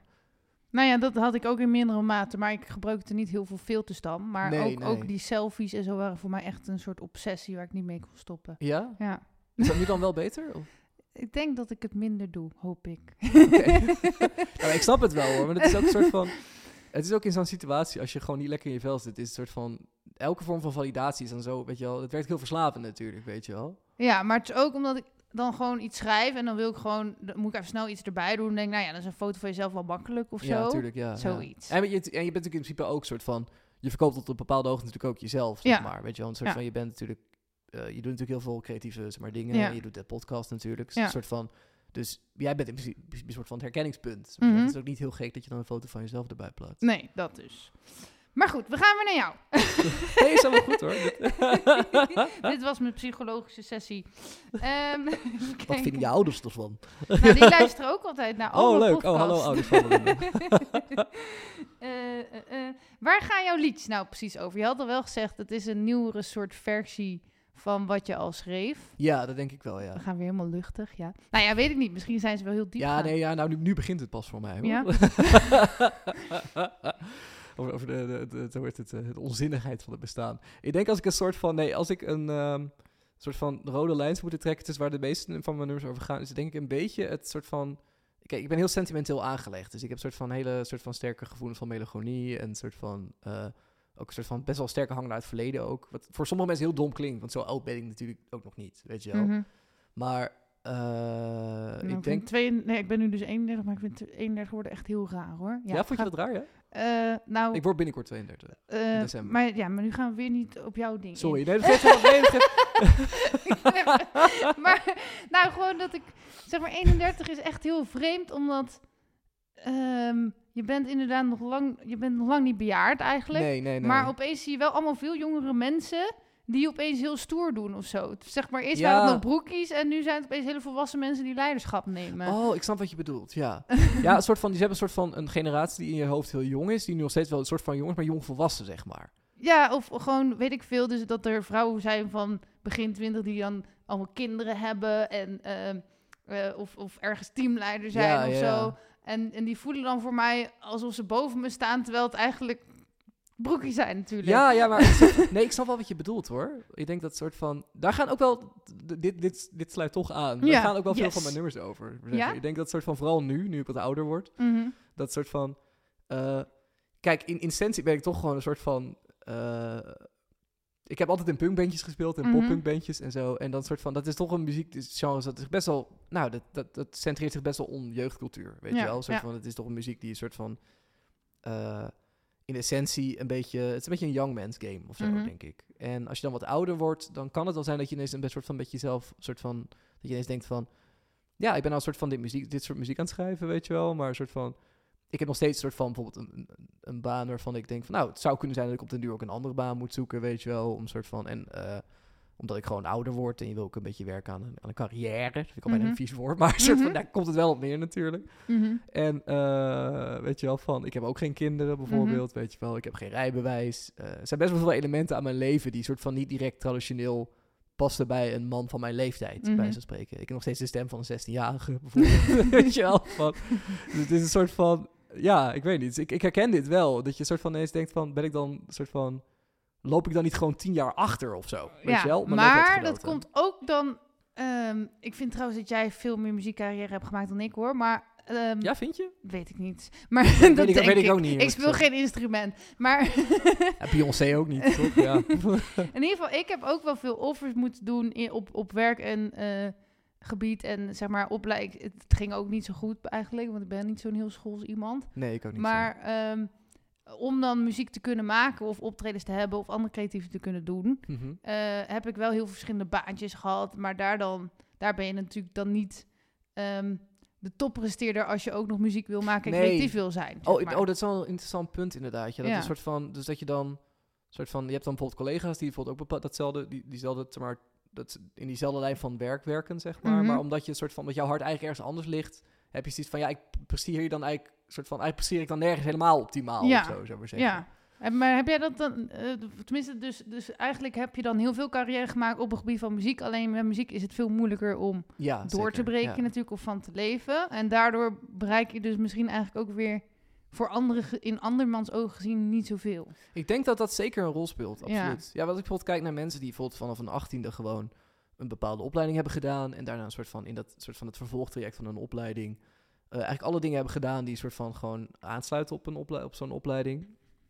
Ja, heel veel van die mensen die hebben natuurlijk gewoon nu gewoon een huis bijvoorbeeld of zo, Mhm. weet je wel, een hypotheek. En, Mhm. Ik heb hier ook eh, een huis trouwens. Maar, Ja, je hebt, je hebt hier een prachtig huis inderdaad, ja, dus wat dat betreft. maar dat is weer een ander verhaal. Nee, ik, ik, ben niet, ik, ben natuurlijk, ik ben niet dakloos natuurlijk. Nee. een soort van, die hebben, oké, misschien moet ik zeggen, die hebben een hypotheek, zeg maar, Ja, weet ja, je wel? En een auto en vaak ook al kinderen en zo. En zeker mijn vrienden uit Lunteren van vroeger ook, want dat heeft ook een, zeker een christelijke ondertoon. Die beginnen vaak iets eerder met kinderen ook Mhm. en trouwen en zo. Trouwen is ook zo eentje, weet je wel. Ja. Van, ik weet niet of, dat, of ik dat nou zo belangrijk vind, maar... Dus soort van, in zoverre eh, snap ik al wat je bedoelt. Dat je ineens denkt van, oh ja, oh, dat gaat wel heel hard dan ineens. Weet je Ja. Van, dan ben je toch alweer in de dertig en iedereen om je heen... eh, die heeft eigenlijk een soort van zijn droogje en zijn natje al op orde of zo, weet Mhm. je wel. En ik ben nog super zoekende Ja, in heel veel opzichten. ja en gaan, daar gaan ook je liedjes over. Ik denk het wel, ja. Echt? Allemaal? Veel wel. ja. Nou, wat leuk. ja, het Het soort van... sluit het wel aan bij de podcast. Ja, ja, ik denk dat soort van, vooral nu, like de laatste paar jaar, soort van voorheen was het altijd gewoon een beetje soort van, oh, wat ben ik zielig, weet je Mhm. wel? Dat soort van, ik denk als je als singer-songwriter begint, en zeker in die periode van mijn leven ook, dan zat ik ook gewoon niet lekker in mijn vel. Dus dan gaat het eigenlijk alleen maar over soort van, gewoon het ondraaglijke soort van bestaan van je leven, weet ja, je maar wel? zo begint bijna elk singer dat is ook wel zo, ja. En je moet het dan wel heel origineel maken, wil je dan soort van dat mensen denken, oh, dit vind ik wel herkenbaar of zo. En ik denk Ja. dat dat nu zich iets meer soort van, ik denk dat ik daar nu een soort van, voor mijn gevoel, een beetje de volwassen, zeg maar, versie van doe. Dus er zit nog steeds wel een vrij... Ik zal nooit zo snel, denk ik, een vrolijk nummer schrijven, bijvoorbeeld. Dat zit niet zo heel erg in mijn aard. Maar ik vind Hm. het wel leuk om, als ik een nummer schrijf over een soort van dit soort twijfels... Dit is eentje die dus echt heel vaak voorbij komt. Ja. eh, dat ik wel wel probeer een soort van dingen te schrijven van ik denk van, er zitten dan ook elementen in die ik een soort van zelf ook herken, zeg maar. Is een soort van die voor mij dan denk van, oh ja, als ik aan die situatie denk, dan denk ik aan dit. Dus dan denk ik bijvoorbeeld aan mijn vrienden die een, eh, een eh, hoe heet het, een, een sedan hebben gekocht vorige Mhm, week, bijvoorbeeld, ja. weet je wel. En die zeg maar net een nieuw huis hebben gekocht. Of Ja. die soort van een derde kind krijgen bij Ja, spreken, weet je wel. Dat, ja. En tegelijkertijd zijn zij misschien wel jaloers als jij op een podium staat met je gitaar. Misschien wel. En het is ook allemaal relatief natuurlijk. Want een soort van, het is ook niet dat... eh, kijk, je hoeft ook niet allemaal hetzelfde te doen natuurlijk. Nee. Weet je wel? Want waarschijnlijk als je een beetje je best doet... Soort van, ik heb gelukkig wel bijvoorbeeld ook een vriendengroep. Die is allemaal een beetje van mijn leeftijd. En die... Nou, die, die hebben ook allemaal een beetje dit, weet je wel. Een beetje Mhm. dat zoekende deel nog. En die zijn soort van allemaal nog... We zijn ook allemaal heel erg van het uitgaan en zo. En eh geen van ons heeft nog kinderen. Dus dan maakt afspreken ook een stuk makkelijker. Dus een soort van, dat houdt me ook wel een soort van eh, jong, denk ik, of zo. Mhm. En soort van, ik zie ook wel eens bijvoorbeeld oude vrienden die dan wel toch al helemaal wel, soort van vooral in Lunteren dan, zou ik zeggen, die dan al soort van zo. En misschien is dat voor, dat is voor hun waarschijnlijk ook helemaal prima, maar dat ik ook wel denk van, dit is wel zo soort van al ingeburgerd of zo, weet je Mhm. wel? En zo soort van zo burgerlijk en zo stabiel. Dan weet ik ook niet zeker of ik daar dan gelukkig van zou worden of zo. Nee. Eh, ik had net een vraag in mijn hoofd, nu weet ik meer. Het had wel met dit onderwerp te maken. Oké. oh ja, nou heb je dan ook nog, maar ik denk dat dat voor mannen anders is dan voor vrouwen. Maar dat je dan denkt van, of misschien, ik weet ook niet of je daar ooit zo in hebt staan. Wilde je vroeger zeg maar beroemd worden met als singer-songwriter en daarvan leven? Eh, weet ik niet. Nou, ik heb natuurlijk wel. Ik denk dat mijn beeld meer een beetje was dat soort van. Eh, ik denk niet zozeer als singer-songwriter, ehm, maar wel misschien in de zin van een beetje een carrière-muzikant, zeg Ja. maar. Dus ik, ik ben dan. Ik ben toen ik. eh, in 2012, geloof ik. 2011. 2011 ben ik naar de Herman Brood Academie gedaan, gegaan voor basgitaar. Ja. En dat was eigenlijk een beetje trick wat ik in mijn hoofd had. Dus dat singer-songwriter deel, dat is eigenlijk wat later daar is er maar daarbij Mhm. gekomen. Want ik was dan de, de zanger en de bassist. En een beetje bij... nou, bij gratie van dat het feit dat iemand anders het, zeg maar, een soort van echt geïnteresseerd was, ik ook de songwriter van mijn punkband, zeg maar. Mhm. En, eh, maar dat songwriting deel, dat vond ik meer een beetje incidenteel of zo. Dus dat was een beetje zo van, ja, dat doe je er dan bij, want je moet liedjes hebben, weet je wel. We deden ook covers daarnaast. Eh, eh, maar ik ben met name een bassist en een zanger. En in essentie dan met name een bassist. Want dat is gewoon fijn, functioneel in een band, weet je wel. En ik denk dat ik dat een beetje voor me zag. Dus dat ik bij wijze van spreken de Herman Brood Academie zou doen. En dat ik op een gegeven moment af zou studeren. En dat ik dan gewoon bassist zou worden in een gewoon, een- goed functionerende band, zeg maar. En dan zou dat zeg maar mijn carrièreverloop zijn. Ja. ja. Dus En- niet, en is dat- zo gegaan. Niet. Hoe ging het toen? oh, sorry, ik heb spoiler. ja.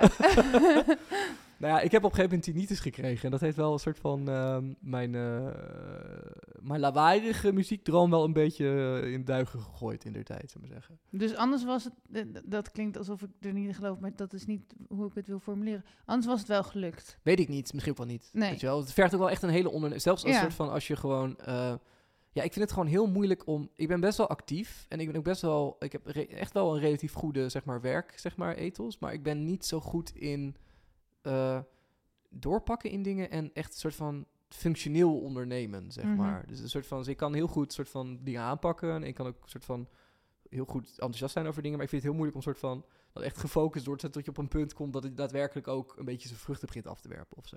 Ja, maar het is toch ook, zeg maar, als je een muzikant bent, dan wil je vooral muziek maken. Ja, Maar eigenlijk komt er zoveel nog bij kijken wat je dan moet regelen. Wil je optredens hebben en ja bekendheid. enorm. Ja, en- absoluut. Zeker. Oh, ja, nee, maar daarvoor moet je dan die ondernemer worden die je dan eigenlijk helemaal niet bent. Ja, ja, en ook toch een soort van marketeer ook, zeker Ja. nu. Weet je, want je moet Ja. jezelf een soort van...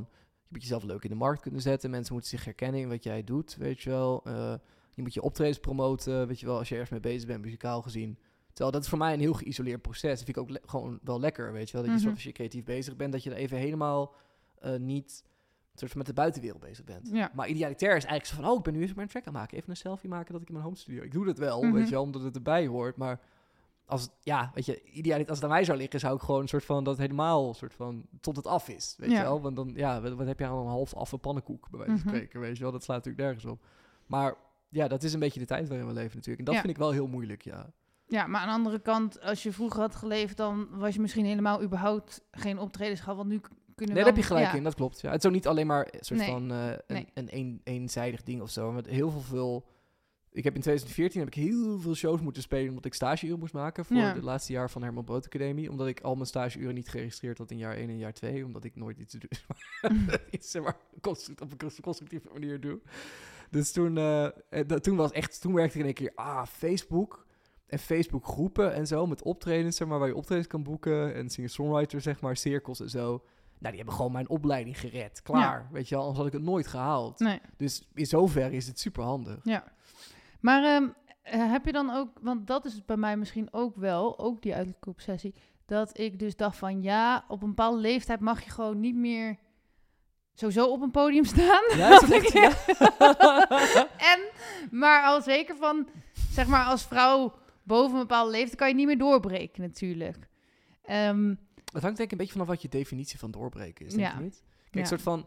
Kijk, wij zijn nu waarschijnlijk allebei te oud om een soort van een tiener pop idool te worden. Ja. Het zit er, dat zit er misschien dan niet meer. Nou, je weet het niet. Het nee, zou kunnen, maar... er kan ook een opa opeens morgen een tiener popidool zijn. Hè? Je weet het niet. nee. Het zou kunnen, maar een soort van, om een of andere reden is, zeg maar, zeker de popmuziek is heel erg een soort van gefocust op jonge, zeg maar, talenten. Dat is waarschijnlijk ook wel voor een deel omdat jonge talenten makkelijker te vormen zijn. Dus als je wat Mhm. volwassener bent, dan ben je ook minder snel geneigd misschien om naar akkoord te gaan met muziek, business, onzin, waar je misschien niet mee akkoord zou moeten gaan. Mhm. Ehm, maar dat is natuurlijk niet de enige carrière die er bestaat in creativiteit. Of zo. Nee. Ik bedoel, als je kijkt naar Herman van Veen bijvoorbeeld, weet je, Mhm. die, die verkoopt nog steeds theaters uit. Ik ben Ja. zelf een groot fan van Herman van Veen. Cool.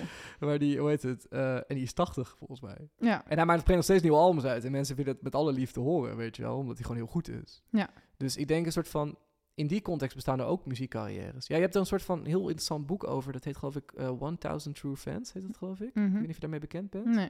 Ik ken het ook alleen maar van soort van samenvattingen van, hoor. Dus ik heb het zelf niet gelezen. Mhm. Maar de essentie daarvan is een beetje dat soort van...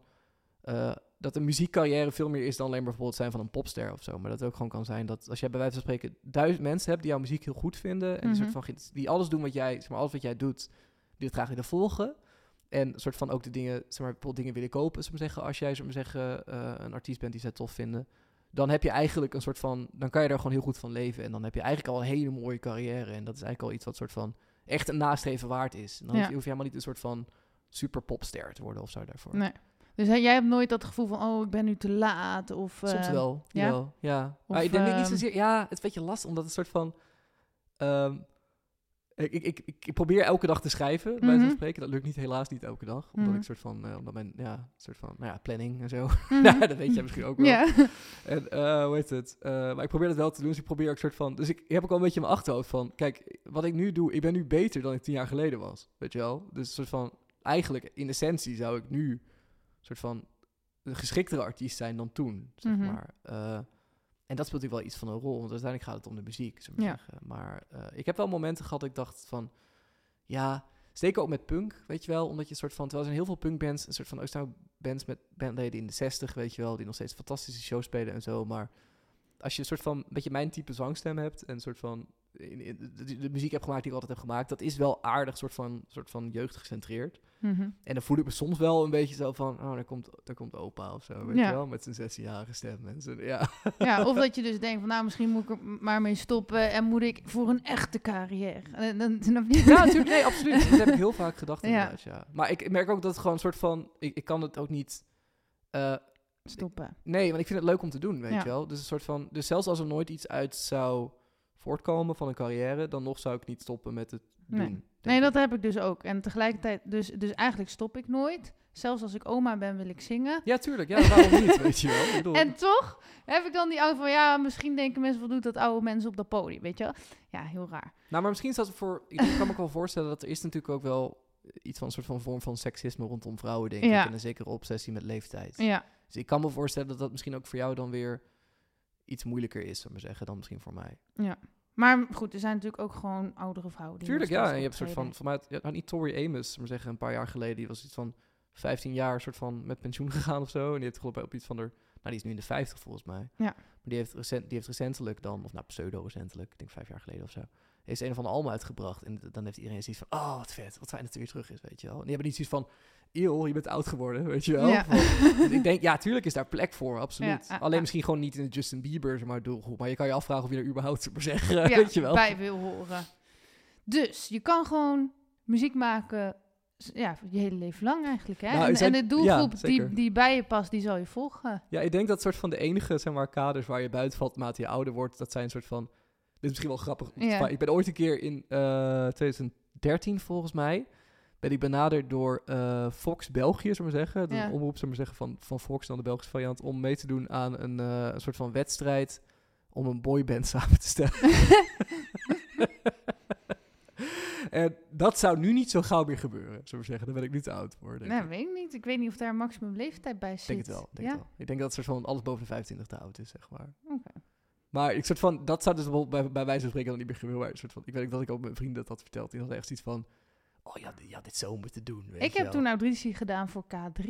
Ja, dat had ik ergens gelezen, geloof ik inderdaad. Ja. Hoe was dat? Ehm, nou, ik had dus een filmpje ingestuurd. Dus dat was niet de laatste K3, maar toen er eentje wegging, zeg maar. Ja, precies. er zijn Ehm, nu geloof ik iets van drie iteraties geweest of zo, toch? Al? Je hebt gewoon Ja. de eerste en dan een soort van de tweede en nu ook een Dus er ging, zeg maar, eerst ging volgens mij eh Kathleen weg. Toen kreeg je dus ja.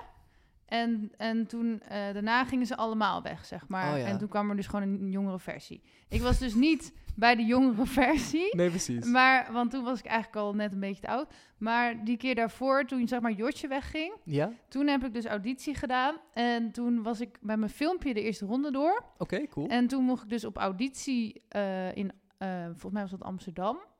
En dan moet je gewoon de hele dag wachten. Ja, ik weet ja, niet of je wel eens met een idols auditie of dat soort dingen hebt meegedaan. Nee, nog nooit. Oh, nee. Meestal is het de hele dag wachten. Ja, je zit dan in een soort van, bijna een soort van boardroom, of ja, hoe zeg je dat, een soort van congresachtige... Maar echt, je gaat uren wachten. En bij heel veel van die programma's, bij, bij die, dat programma viel bij mij, maar bij heel veel programma's, hopen ze dan dat je dus gekke dingen gaat doen, want dan kunnen ze je filmen. Ja. En dan ja, kunnen ze dat, ze hopen vooral op de billetjes die ze natuurlijk... Ja, en dan kunnen ze dat daarna een soort van, heb je een soort van funniest, Ja. complicatie van Ja. zeg maar Idols deelnemers eh, Ja. seizoen 1, weet je Ja, wel. Van, maar dat was bij allemaal K3 viel dat gelukkig mee. Maar je moest wel heel lang wachten. En eh, toen mocht ik dus één of twee minuten zingen. Gewoon voor een jury. Oh, je moest je eerst voorstellen. Je moest geloof ik ook nog een toneelstukje doen. Oké. En dan mocht je zingen. En Had je dan het toneelstuk van tevoren iets, iets, iets ingestudeerd ik had zo? dus zelf iets geschreven. Oké, Ja. cool. En je moest een beetje dansen. En toen ehm, zeiden ze van... ehm, Eh, eigenlijk zeiden ze niet zoveel. Eh, en toen hoorde je gewoon een paar weken later of je het was geworden, ja of Oh. nee. Dus je kreeg niet eens feedback. Maar je kreeg geen feedback Nee. van, oh, dat lijkt me wel heel lastig. Dus ik denk persoonlijk, ja, ik wil niet zeggen van, oh, tuurlijk had ik de K3 moeten worden. Maar ik denk persoonlijk dat er niet zo heel veel fout ging. Maar Ja. dat ze misschien mij te lang vonden. Want op een film zie je natuurlijk niet hoe lang ik ben.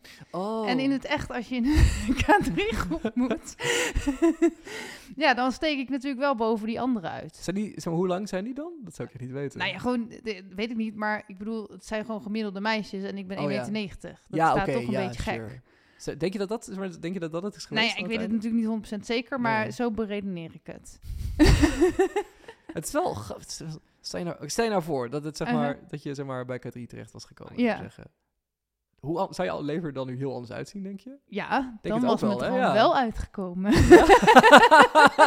en nu zijn we hier. Wat grappig. Ik vind het grappig dat we nu toch een soort van... dat je dan ergens midden in de podcast toch... dat we dan de lore van K3 nog even hebben doorgesproken. Ja. Dus van de eerste iteratie tot nu, zou ik maar zeggen. Wat grappig, joh. Wat, heb je daarna dan gedaan toen dat soort van niet gelukt was? Nee, dus ik heb heel vaak van dat soort audities gedaan. Ja, serieus? Ja. Ehm, Ook andere programma's die mensen zouden kunnen kennen? dus ook Idols, X Factor. Maar straks dan staat jouw naam boven de podcast en is de hele podcast over mij gegaan. Nee, maar ik vind het ook Idols, gewoon interessant om te X-Factor, horen wat je hebt gedaan. Holland's Got Talent. eh, nee, die heeft volgens mij niet. Nee. Pop, ik weet het niet meer. Het waren er heel oh veel. ja. Was dat vervelend? Was dat ook wel een soort van leuker? dus meestal was het heel vervelend. Oh, shit. Want dan moet je dus zes tot acht uur wachten. Dan Dat kan je voor een jury... ook. En je bent heel zenuwachtig Bij sommige ook. juries hoor je niks. Bij één jury heb ik gehoord dat zeiden stop maar met zingen, want je kan er helemaal niks van. Oh, Doe shit. het maar nooit meer. Oh. En toen was ik 15. Oh, nee, echt? Dus toen begon ik kaart te huilen. Oh, shit. Dus heeft dat de tv gehaald? Nee. Oh, thank god. Oh, fuck. Nee. Oh, dat vind ik echt wel heel vervelend. Gadverdamme. Welk programma was dat? Weet je dat nog? Dat. Maar je hebt toen ook iets ondertekend dat je niet te veel erover mag roddelen. Maar dat zal vast ja, nu niet hun. meer. Ja, ja. Ze duizenden euro's. eh. Nee, maar dat, dat kan je duizenden euro's kosten. Oké, nou, Maar dan, ik ik, ga, ik wil je dat niet uitlokken. ik denk dat het al verjaard is. Oké. Nou, welk programma het ook was, eh schaam jullie. Schandalig. Maar goed. Ehm, ja, wat wil je nog meer weten of wil jij er nog iets over kwijt? Nee, ja, ik heb dat soort van... Ik heb ooit wel... Ik had wel graag willen meedoen aan eh, de beste singer-songwriter van Nederland. Dus het was een programma Oh, waar ik wel echt geïnteresseerd was. Daar heb ik wel geprobeerd me voor in te schrijven ook. Ja. Maar ik was er net begonnen en soort van... Mijn liedjes waren gewoon echt nog niet... Maar die waren echt niet goed genoeg om daar mee te doen. Mm. Eh, dus soort van... Dat is nooit echt van, zeg maar... De, de, dat is eigenlijk mijn enige ervaring met soort van... Ja. En dus de boyband, zeg maar... Daar had ik dus wel aan mee kunnen doen. Maar achteraf ben ik wel blij dat ik dat niet gedaan heb, denk ik. Nee. Ik heb ook wel eens gekeken wat het uiteindelijk is geworden, jaren later, weet je wel, van wie zijn dan de winnaars en zo. En het was echt, echt afgrijzelijk was het ook. Het was echt een soort van, eh, ik ben helemaal niet anti-boyband, weet je wel. Mhm. Ik heb natuurlijk ook opgegroeid met Backstreet Boys en Ja. Boyzone en NSYNC en zo. Mhm. Maar eh, meer ook een beetje op, misschien toch op, liever op een iets groter afstandje, zeg maar. En ik heb ook altijd een punkbandje gespeeld natuurlijk. En nou, als er iets killing is voor je, voor, voor, je, voor, je, voor je straatkrediet als je een punkband speelt, Het heeft wel iets met humor te maken. dat zeker, ja. Zo puur vanuit de humor. Dat, zo, zo bekeken mijn vrienden het ook. Die hadden allemaal zoiets van, oh, dat had je echt moeten doen. Ik vind, ja, maar voor jullie is dat grappig, weet je wel. Maar ik moet er zo meteen wel echt op een podium, weet je wel. Dus voor mij is het heel erg grappig. En dan op een gegeven moment komt er een soort van moment dat ik ineens denk, ja, maar nu, ik ben het nu wel gewoon echt aan het doen ook. Uh-huh.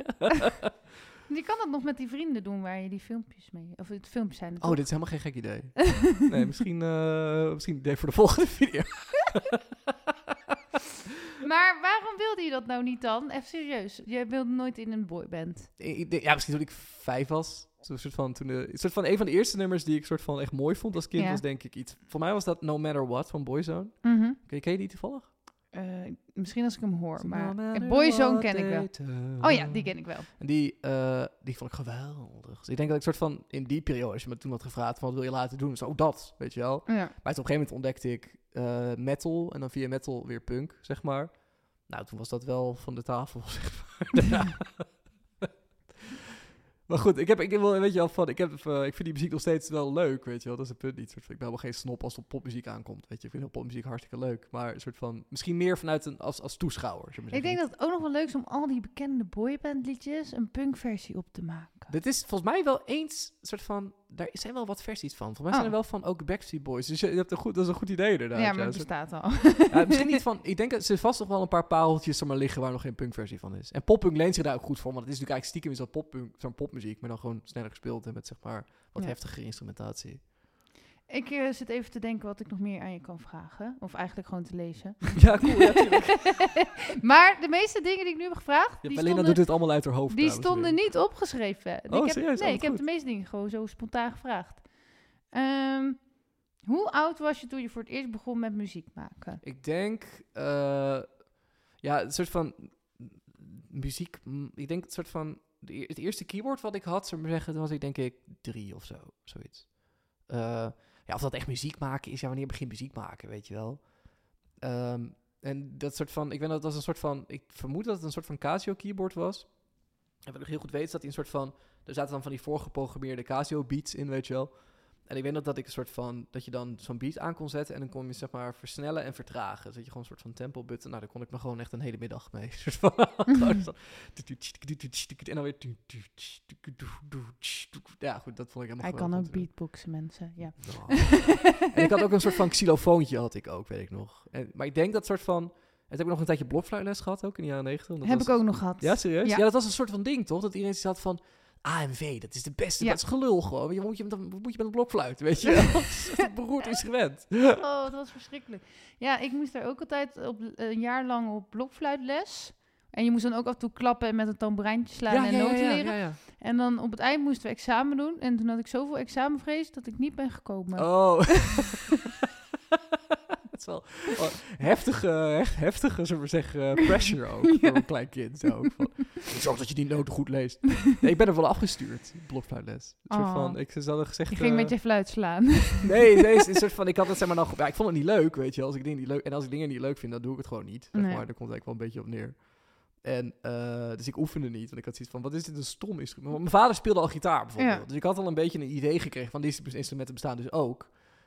En dan sta ik, sta ik hier met dit ding, weet Ja. je wel. Ik was denk ik zeven of zo. Maar ik vond Ja. het toen al een stom instrument. En toen heeft mijn, mijn juffrouw, die heeft toen tegen mijn moeder gezegd... Nou, haal hem alsjeblieft er vanaf, want deze jongen heeft geen enkele muzikale aanleg. Helemaal niets. dus ja, zo gezegd, zo gedaan. En toen, eh, op een gegeven moment, toen een paar jaar later, toen was ik een jaar of elf of zo... Toen eh, was er een open dag bij Cultura. Cultura was toen net open. En dat toen- is hier het theater in Ede. ja, oh, sorry, ja. even Voor de mensen die niet uit Ede komen. Ja, precies. Ja, dat is een theater en dan geeft ze ook muzieklessen en zo. En eh, dat was een open dag en dan kon je een soort van een aantal instrumenten uitproberen. Want ze hadden gewoon een lokaal met drums, bijvoorbeeld een lokaal met gitaar en ook een lokaal met synthesizers. Dus maar keyboard synthesizer-achtige. En dat beviel me wel. Want ik ben een science fiction nerd, weet je. Dus het is allemaal van die soort van achtige geluiden en zo. En dus ik had iets van, oh mam, dit wil ik doen. Weet je, ik wil graag synthesizer spelen. En toen ben ik daar op les gegaan. En daar bleek ik ineens een soort van, dat wel, omdat ik het leuk vond, bleek ik daar ineens wel een soort van iets mee te kunnen, zeg maar. Ja. Dus ik denk, ik zou zeggen dat, nou, mijn eerste muzieklessen, die soort van, die dus niet blokfluit georiënteerd zijn, en die ga ik dus ook gewoon niet meetellen. Mhm. Zijn zeg maar gewoon een protest ook. Mhm. zijn denk ik keyboardles vanaf mijn elfde. Dus ik zou misschien zeggen vanaf mijn elfde dan. Oh ja. Nou ja, ik ging dus inderdaad vanaf mijn tiende op zangles of zo. En dat weet ik nog, toen had ik mijn eerste echte optreden in een groot theater. Ik was elf. Was dat ook hier in Ede? Dat was in Harderwijk, want ik ben in Ermelo opgegroeid. Oh, Ermelo, serieus? En de muziekje van de AMV-les, waarbij ik dus niet op examen durfde te komen, Ja? die zat in de zaal. Oh. En toen eh, heb ik dus echt een heel goed optreden neergezet. En die vrouw zat echt zo, huh? Is dat hetzelfde meisje? We hebben dezelfde AMV-trauma. dat is zo grappig. Ja, want ik weet dat, dat later ben ik ook een keer door die mevrouw die... Dat is, ik heb eigenlijk min of meer dezelfde ervaring. Ja. van, ik heb later die mevrouw die eh, mij AMV-les gaf. ja. Die, eh, die heeft later ook dingen gedaan voor... eh voor mij is ze Astrid, ik weet niet helemaal zeker. Mhm. Die soort van, ze is een hele lieve vrouw. Ja, Ja, ja. Ze wilde ook niet soort van onder de bus gooien Nee. of zo. Maar soort van, en ze had ook elke recht om mij van AMV te gooien. Ik deed dus gewoon echt niks. Nee. Ik vond het namelijk gewoon niet leuk. Eh, en die heeft me laatst nog een paar keer geboekt om optredens te spelen bij Cultura. En ik weet dat mijn moeder toen een beetje zat van... Die zat op een gegeven moment een keer naast haar in de zaal. En dat zegt ze van... Oh, zie je. Zo. Hij kan, hij kan wel gita- zoon. hij kan wel gitaar spelen. Grappig, hè? Ja, Erg, hè, hoe jeugdtrauma's je kunnen beïnvloeden. ja, nou, deze heb ik inmiddels wel verwerkt hoor. Het is oké. Astrid, als je dit hoort, het is je vergeven hoor. Oké, ik ben er overheen. Oké, welke instrumenten speel je nou eigenlijk allemaal? Ehm, ik denk effectief, soort van, er zijn een paar dingen. Ik kan een, eh, ik speel met name gitaar eh, en dan ook basgitaar. Ik speel denk ik momenteel meer gitaar dan basgitaar. Maar eh, basgitaar was wel op de Herman Brood Academie mijn soort van centrale instrument. Dus ik denk dat dat een beetje de instrumenten zijn waar ik het meest mee thuis ben. En ik zing dan ook, zou ik maar zeggen. Ja. En ik kan een heel klein, nou, een klein beetje, ik heb ook dus keyboardles gehad, dus ik kan een heel klein beetje soort van synthesizer spelen. En ja, nou, ik heb wel eens wat gedrumd, maar dat mag je eigenlijk, dat is niet echt noemenswaardig, denk ik. Nee. Dus dat, ja, ik denk eh, drie-ish, zoiets. Ja. en ehm, dus je eerste optreden was toen je tien was of zo? Zoiets denk ik, ja. Ja, mijn eerste optreden soort van met, eh, met het keyboard was volgens mij... Toen deed ik een, eh, een versie van de Final Countdown op de synthesizer, zeg maar. Met, eh, met een backing track. In Cultura was dat volgens mij. Ik denk dat ik toen na 10, 11 was of zo. En dat was denk ik mijn eerste optreden echt voor, van, voor publiek, zeg maar. Mhm. Ja, ik vond het fucking vet. En dus dat was met een groep? Nee, was ik, ik alleen. Oh, stoer. Ja.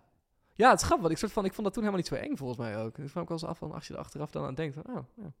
dat is eigenlijk best wel griezelig om te doen als tienjarige. Maar Mhm. ja, ik weet niet. Ik vond het nummer ook gewoon zo gaaf. Dat ik zat van, ja, dit wil ik doen, weet je wel. En, en daarna had je elke week een optreden? Of hoe is dat verder nee, dat duurde wel langer hoor. Want ik denk dat soort van, eh, kijk, dat key, zo'n keyboard dingen, dat is ook gewoon een soort van, dat hebben denk ik veel muziekscholen wel, dat je ineens in zoveel tijd heb je een soort van avond dat de studenten even een soort van van zich laten horen, weet je wel. En dan kunnen ouders komen kijken en dan is het zo van, oh leuk, weet je, dat hebben ze geleerd het afgelopen blok. Eh, dus dat was heel af en aan, een keer soort van incidenteel, dat je een paar nummers speelde op een keyboard of zo. Ik denk dat soort van het optreden daarbuiten, dat begon eigenlijk pas echt toen ik in bandjes ging spelen, zeg maar. Mhm. Dus dan, eh, ja, ja, ik denk in die, dus een beetje rond mijn 14e, 15e, zoiets. En dat ben je gewoon blijven doen? In zekere zin wel. Ja, ik heb nu al heel lang niet meer met een band op het podium gestaan, dat niet. Eh, maar ik heb dat wel een jaar of tien heel fanatiek gedaan, ja, zeker. En waarom ben je gestopt? De, de tinnitus eigenlijk, toch Oh. wel. Ja. Wel echt, maar dus je wordt op een dag wakker en je hebt een piep in je oor. ja, het is denk ik op een gegeven moment, toen ik net eh, op de Herman Brood Academie begon met studeren, toen eh, had ik om een of andere reden niet het idee dat... Ik had nooit gerepeteerd met oordoppen in, weet je wel. En, maar ik had wel altijd gespeeld met, zeg maar, hele lawaaierige bands, weet je wel. En dan nog in de garage, dat echo dan nog lekker door. Weet je, echt een perfecte akoestiek om Mhm. Ik zeg altijd tegen Maarten van... Ik geef jou oude symbols van je eerste drumstel. Die geef ik 75% de schuld van mijn tinnitus. Maar, Oh. maar eh, op een gegeven moment was er gewoon een moment... Ik geloof dat het... Ik weet nog wel van mij, eh, waar, waar ik was toen. Ik was toen geloof ik op mijn kamer en het was 's avonds En toen een soort van... Was het zeg maar stil. Ik geloof ik iets aan lezen of zo. En toen hoorde ik ineens dat het niet helemaal stil was in mijn kamer. Dus ging ik in eerste instantie checken van... Oh, maar soort van heb ik dan iets aanstaan of zo? Of hoor ik het van beneden of zo? Maar toen ontdekte ik van... Oh, nee, dit zit in mijn oor, zeg maar. Dus het zit gewoon dat zuizende geluid komt echt uit mij. En eh, toen was ik wel heel erg in paniek ook. En toen heb ik ook wel echt een, een paar weken lang ook bijna niet geslapen en Mhm. zo. En ik, eh, ik viel ook heel veel af toen en zo. Dus het was, ik liep echt bij een soort van zombie, zeg ja, maar. maar het is ook wel het meest vreselijke wat je kan overkomen als muzikant. Het is wel heel vervelend, zeker, ja. Ja. En toen heb ik nog wel alsnog een hele tijd wel gewoon... eh, dan wel met oorloppen dit keer... een soort van mijn studie kunnen doen, zeg maar. Eh, en dat ging op eigenlijk een periode heel goed ook. Ehm, maar toen heb ik een paar ervaringen gehad met op maat gemaakte oordoppen... die dan toch een soort van ergens halverwege de show eruit gingen... of niet helemaal goed af, zeg maar, passend waren en zo. En daardoor was mijn tinnitus dan erger, zeg maar. Wat natuurlijk het ergste wat je kan overkomen. Want je doet alles aan om te voorkomen dat het erger wordt. Dus dat heeft me toen wel afgeschrikt, zeg maar. Dus dat Ja. heeft eigenlijk min of meer toen mijn, eh, mijn bandcarrière wel een beetje soort van aan de wil gehangen, zeg maar. Hmm. Echt balen. Ja, ik had gelukkig nog bestuursmonitor shows dan daarnaast dat wel. En hoe oud was je toen het dan stopte, zeg maar? Ja, soort stopte. Ik denk 25 ongeveer, zoiets. Wow, want volgens mij hebben wel heel veel muzikanten tinnitus, maar vaak op oudere leeftijd. Ja, klopt, ja. Ja. Nou, maar ik heb het ook al bond gemaakt ook wel, hoor. soort van, ik heb ook echt wel alles aangedaan om... Ja, Eigenlijk ik- was het gek dat je het niet zou krijgen. Ja, het had wel heel gek moeten lopen, dat soort van... Ja, maar het is ook een beetje iets uit die... Kijk, tegenwoordig heb je ook veel meer dat ook bij, bij venues... dat ze oordopjes verkopen Ja. en zo en dergelijke. En mensen hebben het nu ook over dit soort dingen. Maar toen ik begon met spelen in mijn band... Mhm, Ja, dat was in 2006 of zo. of Mhm. 2000, zeg maar, de eerste bandje was in 2005. mhm. Toen had niemand het daarover. Nee. Dit was niet cool, weet Nee. je wel. En dat is zo geen oordopbedragen, weet je wel. Je moet die muziek toch horen, weet je Mhm. wel. Dus nee, dat, je was juist eerder een sulletje als je oordop ja, dat was niet cool, weet Nee. je wel. Nou, dat is gelukkig inmiddels wel anders. Ja. Fijn voor de volgende generatie, maar ja. Ja, maar dat merk ik zo. zo ik, ik, ik ken natuurlijk niet iedereen van de volgende Ik, generatie. wel- ik wel. Maar, maar ik vind ze in heel veel dingen wel... ehm, ja, het, het is- zal vast niet voor iedereen gelden, maar dat ik denk van... Oh, ze zijn veel verantwoordelijker of bewuster met dingen bezig. Ja, ik denk in veel opzichten wel. Ja. Een soort van, ik denk eh, dat zeg maar, van, zeg maar, thema's over bijvoorbeeld mental health en zo. Mhm. Op gegeven moment word ik ook bijna een beetje een soort van... Want ik vind het wel heel goed dat daar een taboe van af is of zo. Op een gegeven moment zie je er wel zoveel over, bijvoorbeeld Instagram. Zodat ik denk van, oké, nou, nou weet ik het wel, weet je Mhm. wel. Maar omdat het dan misschien een beetje pandering wordt of zo. Dat je denkt, oh, dit werkt nu dus blijkbaar. Ja. Maar dat heeft er tegelijkertijd wel toe geleid dat zeg maar, heel veel mensen veel openlijker durven te praten over depressieve klachten bijvoorbeeld. En, zo, Ja. en stoornissen en dergelijke. En ik denk dat dat in de, in, de, in, de, in een soort van de grote lijn is dat een hele positieve trend. Want daardoor... Kijk, Nederland is natuurlijk zo Calvinistisch. Mensen zijn Mhm. zo bang voor, weet je wel... Oh, je gaat naar een psycholoog, weet je wel. Oh, dat is heel raar of zo, weet je Mhm. wel. En dat vind ik zo ontzettend ongezond. En Ja. zo ontzettend onlogisch, weet je wel. Dus ik ben wel... Ik vind het heel goed dat daar meer, zullen zeggen, aandacht voor is. En dat dat normaler is geworden ook. Ja. En dat is wel echt een beetje iets van deze tijd, denk ik. Ja, ik denk dat je daar wel gelijk in hebt, ja. Tegelijkertijd moeten we daar ook weer niet in doorslaan. eh, want daar kan je dan ook weer dat je de hele tijd alleen maar met je stempels Ja, bezig bent. En met je slachtofferschap en met je moeilijke opvoeding. En met je, weet je wel, dan kom je daar ook weer niet meer uit. Nee, dat is grappig dat je dat zegt. Want dat, Ja. dat, dat, soort van... Ik ben blij dat je dat zegt, want ik durf dat eigenlijk bijna niet te zeggen. We hebben nu wel heel zielig gedaan, deze ja, podcast. het is een soort van, nee, omdat ik zo van, dat, dat maak je misschien, dat klinkt dan misschien een beetje hard of zo, maar Ja. is denk ik meer een soort van, wat ik vind, bedoel het helemaal niet hard, Nee, weet je wel. Ik weet echt dat het heel goed is als mensen daar een soort van, en ik ben ook heel empathisch naar mensen ja, die dergelijke klachten hebben, want ik kan me dat heel goed voorstellen, weet je, Mhm. het is niet te ver van mijn bedshow of zo. Nee. En zelfs al zou ik dat niet kunnen, dan nog lijkt het me goed dat je daar empathie voor hebt. Ja. Maar het is denk ik meer een soort van, wat ik wel eens zie bij zeg maar, jongere mensen, dus dat zijn dan mensen die bijvoorbeeld een jaar of tien jonger zijn dan ik, ja. dat er een bepaald soort element in zit van... Oh, maar dit is gewoon mijn stoornis, dus. Weet je wel? Soort van, en Ja. dan is dat dan een soort van punt, weet je wel? En dan soort van... Ik heb wel altijd geleerd vanuit... ehm, ik zat op een cluster 4, zeg maar, middelbare school. Dus Mhm. dat is zeg maar met mensen met ADHD en zeg maar eh, autisme ook en zo. En dat, de, beetje de essentie daar was altijd wel een beetje zo van... Oké, je hebt dan zeg maar ADHD, maar je moet er eigenlijk een beetje van uitgaan... dat dat de wereld niet zo heel veel interesseert, zeg Mhm. maar. Dus de wereld is gewoon best wel hard. En soms zijn mensen empathisch naar... Maar wees er ook voorbereid op dat mensen er niet empathisch naar zijn. En ik ben wel een soort van blij dat ik die basis nog wel heb. Dus dat ik een soort van... Ik zal da- daar niet, misschien iets minder snel in een slachtofferrol rol vervallen, denk ik. Dan Mhm. zeg maar eh, iemand die dan misschien wel wat eerder zegt van... Ja, maar ik heb ADHD, dus nou houd het op. Ja, Ja, Ik- of, maar ook gewoon dat mensen alleen nog maar, eh, weet ik veel. eh, sommige mensen stoppen niet met therapie, zeg maar. Ja, misschien ik zelf ook niet hoor. Maar nee, soms moet je gewoon weer verder met je leven en weer wat gaan doen. En niet alleen maar denken dat er iets mis met je is. Ja, nee, daar ben ik het helemaal mee eens. Ja. Ja. nee, ik denk dat, zeg maar, soort van... En ook misschien dat het niet soort van... Ik denk misschien ook mensen, maar dat is denk ik ook een beetje de soort van... De beetje de social medi mediaficatie Ja. van dingen. Dat soort van... Mensen het soort van fijn vinden om een beetje hun hele identiteit te kunnen wijden aan één ding. Ja. Weet je wel? En ik denk dat er wel mensen zijn die dan zoiets hebben van... Oh, ik heb dan bijvoorbeeld ADHD of zo. Dus een soort van, ik ben nu helemaal dit of zo. Terwijl je ook nog een heel persoon ernaast bent, weet je wel. Niet alles van ADHD is op- van betrekking op jou. Nee. Maar in de grote lijn ben ik wel heel blij dat mensen in ieder geval over durven te praten. Dat wel. Want dat lijkt me wel uiterst veel gezonder dan het niet te doen, zeg Ja. maar. Ja, ik denk dat mensen vroeger wel heel veel minder over gevoelens praten. Wie zijn je muzikale voorbeelden? Poeh, ik heb wel een heleboel, denk ik. Eh, ik denk in de eerste plaats dat soort van... Nou, Green Day is voor mij heel belangrijk geweest als band. Dat is, een soort van, dat is echt helemaal de blauwdruk van zeg maar, alles wat, wat ik deed. Vanaf mijn vijftiende ongeveer. Ehm, qua song, singer-songwriters ben ik heel erg fan van... Nou, ik vind Edith Smithfield fantastisch. Wat ik doe is niet helemaal hetzelfde als wat hij doet. Maar dat vind ik gewoon een soort van... Muzikaal vind ik dat gewoon zo'n geniale man, weet je wel. En eh, met zo'n mooi melodieus oor, weet je wel. En soort van, met zoveel liefde voor zijn muziek ook duidelijk. Soort van, er zit zoveel van hem in die muziek. Eh, dat, dat, ja, dat vind ik heel, gewoon heel inspirerend. Als ik dat dan hoorde, krijg ik ook direct zin om muziek te maken, zeg maar. Eh, en ik denk ook, tot op bepaalde hoogte ook wel... Als ik zou moeten vergelijken met wat ik zelf, zeg maar, akoestisch doe... eh, heb ik ook Dashboard Confessional wel hoog staan, denk ik. Dus dat is ook iemand die een soort van een beetje uit de punkhoek komt. Maar daarna is een soort van doorgestroomd als singer-songwriter en een soort van zijn eigen dienst gedaan. En ook bijvoorbeeld heel veel punkshows heeft geopend met alleen zijn akoestische gitaar. En dat er daarna bijvoorbeeld een hardcore punkband speelde, weet je wel. Wat ik echt heel gaaf vind, dat je dat durft. En ik, eh, ik vind hem heel inspirerend. Als ik, als ik hem soort van hoor en als ik soort van interviews met hem zie ook, dan denk ik direct van, oh ja, wat tof, weet je wel. Dat zou ik ook wel willen, zoals hij het doet, zeg maar. Maar waarom doe je dan niet gewoon zoals hij het doet? Ja, dat is een goede vraag. ik, ja, misschien is hij wat ondernemerder dan ik. Misschien is hij wat meer getalenteerd, dat kan natuurlijk ook. Het, eh, ja, ik weet niet. Maar ik, ik, een soort van, ik denk idealitair, dat is wel een Mhm. goed punt ook. Denk als, een soort van, als ik een soort van ideale op- situatie van mezelf zou omschrijven, die ik een soort van enigszins reëel acht, dan zou ik graag een soort van, misschien een beetje een soort van de Nederlandse variant van hem zijn. Maar dan ook gewoon binnen Nederland, zeg maar. Weet je wel? Dus dat het een soort van dat mensen me zouden kunnen bellen voor we zijn bijvoorbeeld op zoek naar een voorprogramma van deze punkband, zeg maar. En we willen graag een akoestische act die toch nog wat leunt ook op die alternatieve cultuur, zeg maar. En dat, ze dan een soort van, dat ik dan een soort van logische keus daarvoor zou zijn. Zeggen. Mhm. Ik denk dat dat mijn ideale scenario zou zijn. Nou, nodig mensen uit om je te vragen. Ja, inderdaad, ja. en, en volg me op Instagram. Ja, dat, je mag op het eindje Instagram. eh, eh, we zijn al bijna op het eind hoor. Eh, eh, Oh, noem je dat? Zeggen waar mensen zeg kunnen vinden. maar. Oh ja.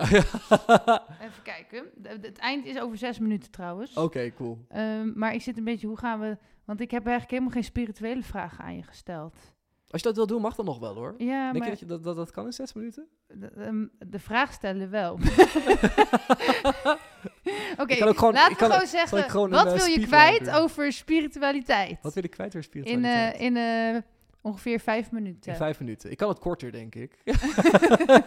Helemaal niets. ja, ik, ik, ja nee, ik ben niet zo heel spiritueel, denk ik. Nee? Nee, nee ik zie mezelf wel echt als... eh, eh, ik kom ook helemaal niet uit een soort van spirituele familie of zo, zeg maar. Dus het soort van... eh, nee.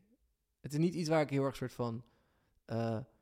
ik weet niet, ik vind mensen aan zich al zo interessant, zeg maar. Mhm. En ook gewoon menselijke interactie en ook gewoon een soort van...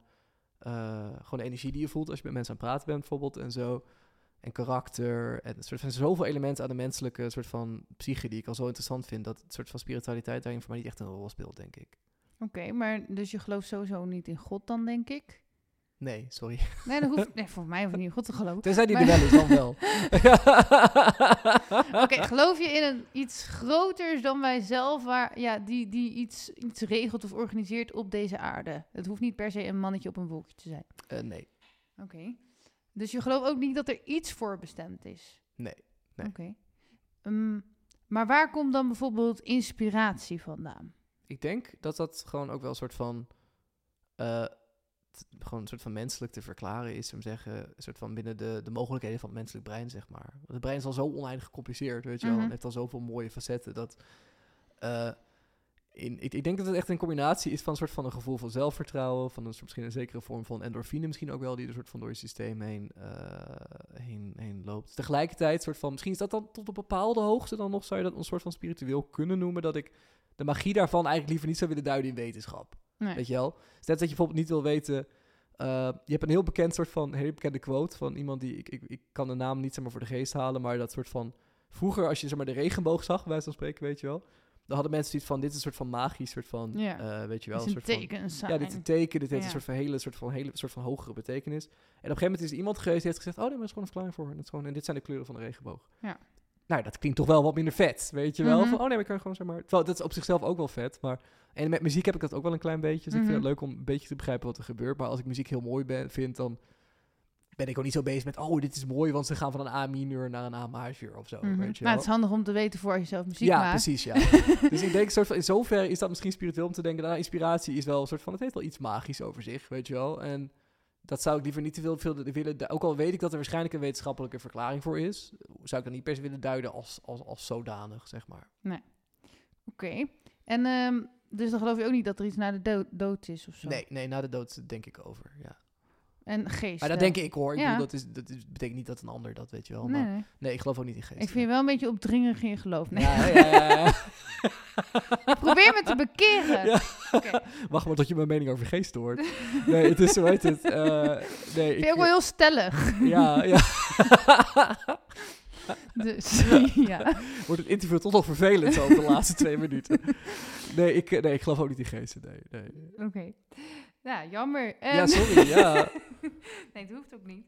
Eh, eh, oh ja, we hebben dus nog één minuut voor je geloof. Oké, cool.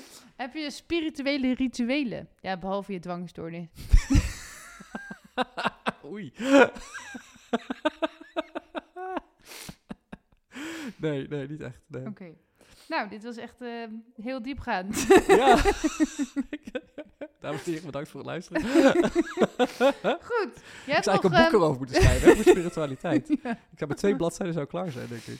Ehm, je hebt nog ongeveer twee minuten om ehm, ehm, een samenvatting te geven van je allerlaatste boodschap die je de mensen mee wil geven. Oh, oké. En om dan te- vervolgens te zeggen waar mensen je kunnen vinden als ze meer over je willen weten. Oh, cool. En waar ze je voor kunnen vragen natuurlijk. Oké, cool. Eh jongen, jongen, even denken hoor. Wat, of ik een boodschap mee wil geven aan mensen. Oei. Eh, ja, ik denk dat ik bijna alles al wel gezegd heb, soort van, soort van wat ik belangrijk vind, soort van in de inleiding. Ik denk soort van, eh het klinkt een beetje corny, maar gewoon een soort van, probeer aardig voor elkaar te zijn. Ja, dat klinkt wel een beetje jongens, jongens, een beetje aardig voor elkaar. En eh soort van, eh, probeer ook gewoon een beetje de humor van dingen in te zien of zo. Want het leven is al zwaar genoeg, zeg maar. Het is ook leuk om soort van zo nu nog gewoon, ja, dingen niet heel serieus te nemen. Mhm. Eh, wat was de tweede vraag ook alweer? Dus ehm, waar wil je dat mensen eh, je voor vragen en waar moeten ze dan naartoe om jou te vinden? Oh ja, ik denk soort van op den duur komt er weer een moment dat ik weer ga optreden, denk ik, als singer-songwriter. Dus lekker sluitend is dit ook, hè. Dat Mhm. Komt er misschien een moment... Als die zeg maar 80 is. Ja, als ik zo zeggen tegen de tijd dat ik mijn 62 de verjaardag aantik, zou ik zeggen. Dan, en eh, jullie zijn allemaal nog in leven, zou ik zeggen. En Instagram is nog een ding. Dan ben ik te volgen op... eh, wat is mijn Instagram ook? Ik weet het eigenlijk niet eens. Moet ik hem opzoeken? Voor mij is het Robert Meijer Music Hoe schrijf je Meijer? 91. Meijer is met M-E lang I-E-R. Mhm. Ja, ik heb mijn PR-praatje goed op orde, zoals je hoort. Ja. Inderdaad, ja. Dus Robert Meijer Music. Als je dat zoekt op Instagram, denk ik, soort van in de searchbar, dan denk ik dat je me wel vindt. Eh, ik ben momenteel niet zo actief, maar er komt een een moment aan dat ik dat wel weer wat meer ga zijn waarschijnlijk. En, ja, als jullie hem vragen wel.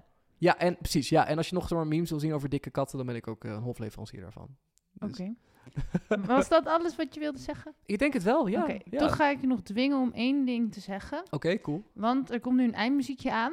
En ik heb sinds een poosje de traditie dat je dan nog heel snel een quote uit je mouw moet schudden. Het mag ook eens gewoon iets zijn waarvan je later denkt, oeps, waarom zei ik dat? Oké, komt-ie. Oké, cool. Oké, dan moet ik even een quote bedenken. Wacht. En snel ook nog.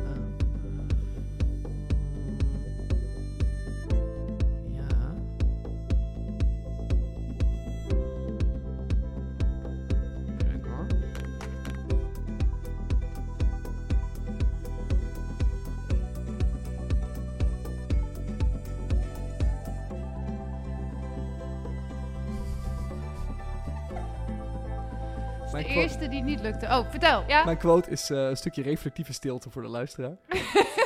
Eh, nee, ik denk, mijn quote zou denk ik zijn, eh, probeer een soort van, het leven houdt op een gegeven moment een keer op. Onthoud dat, zou ik zeggen. Dus een soort van probeer de dingen te je leuk vindt om te doen. Want op een gegeven moment gaat het een keer op. En deze podcast houdt ook een keer op.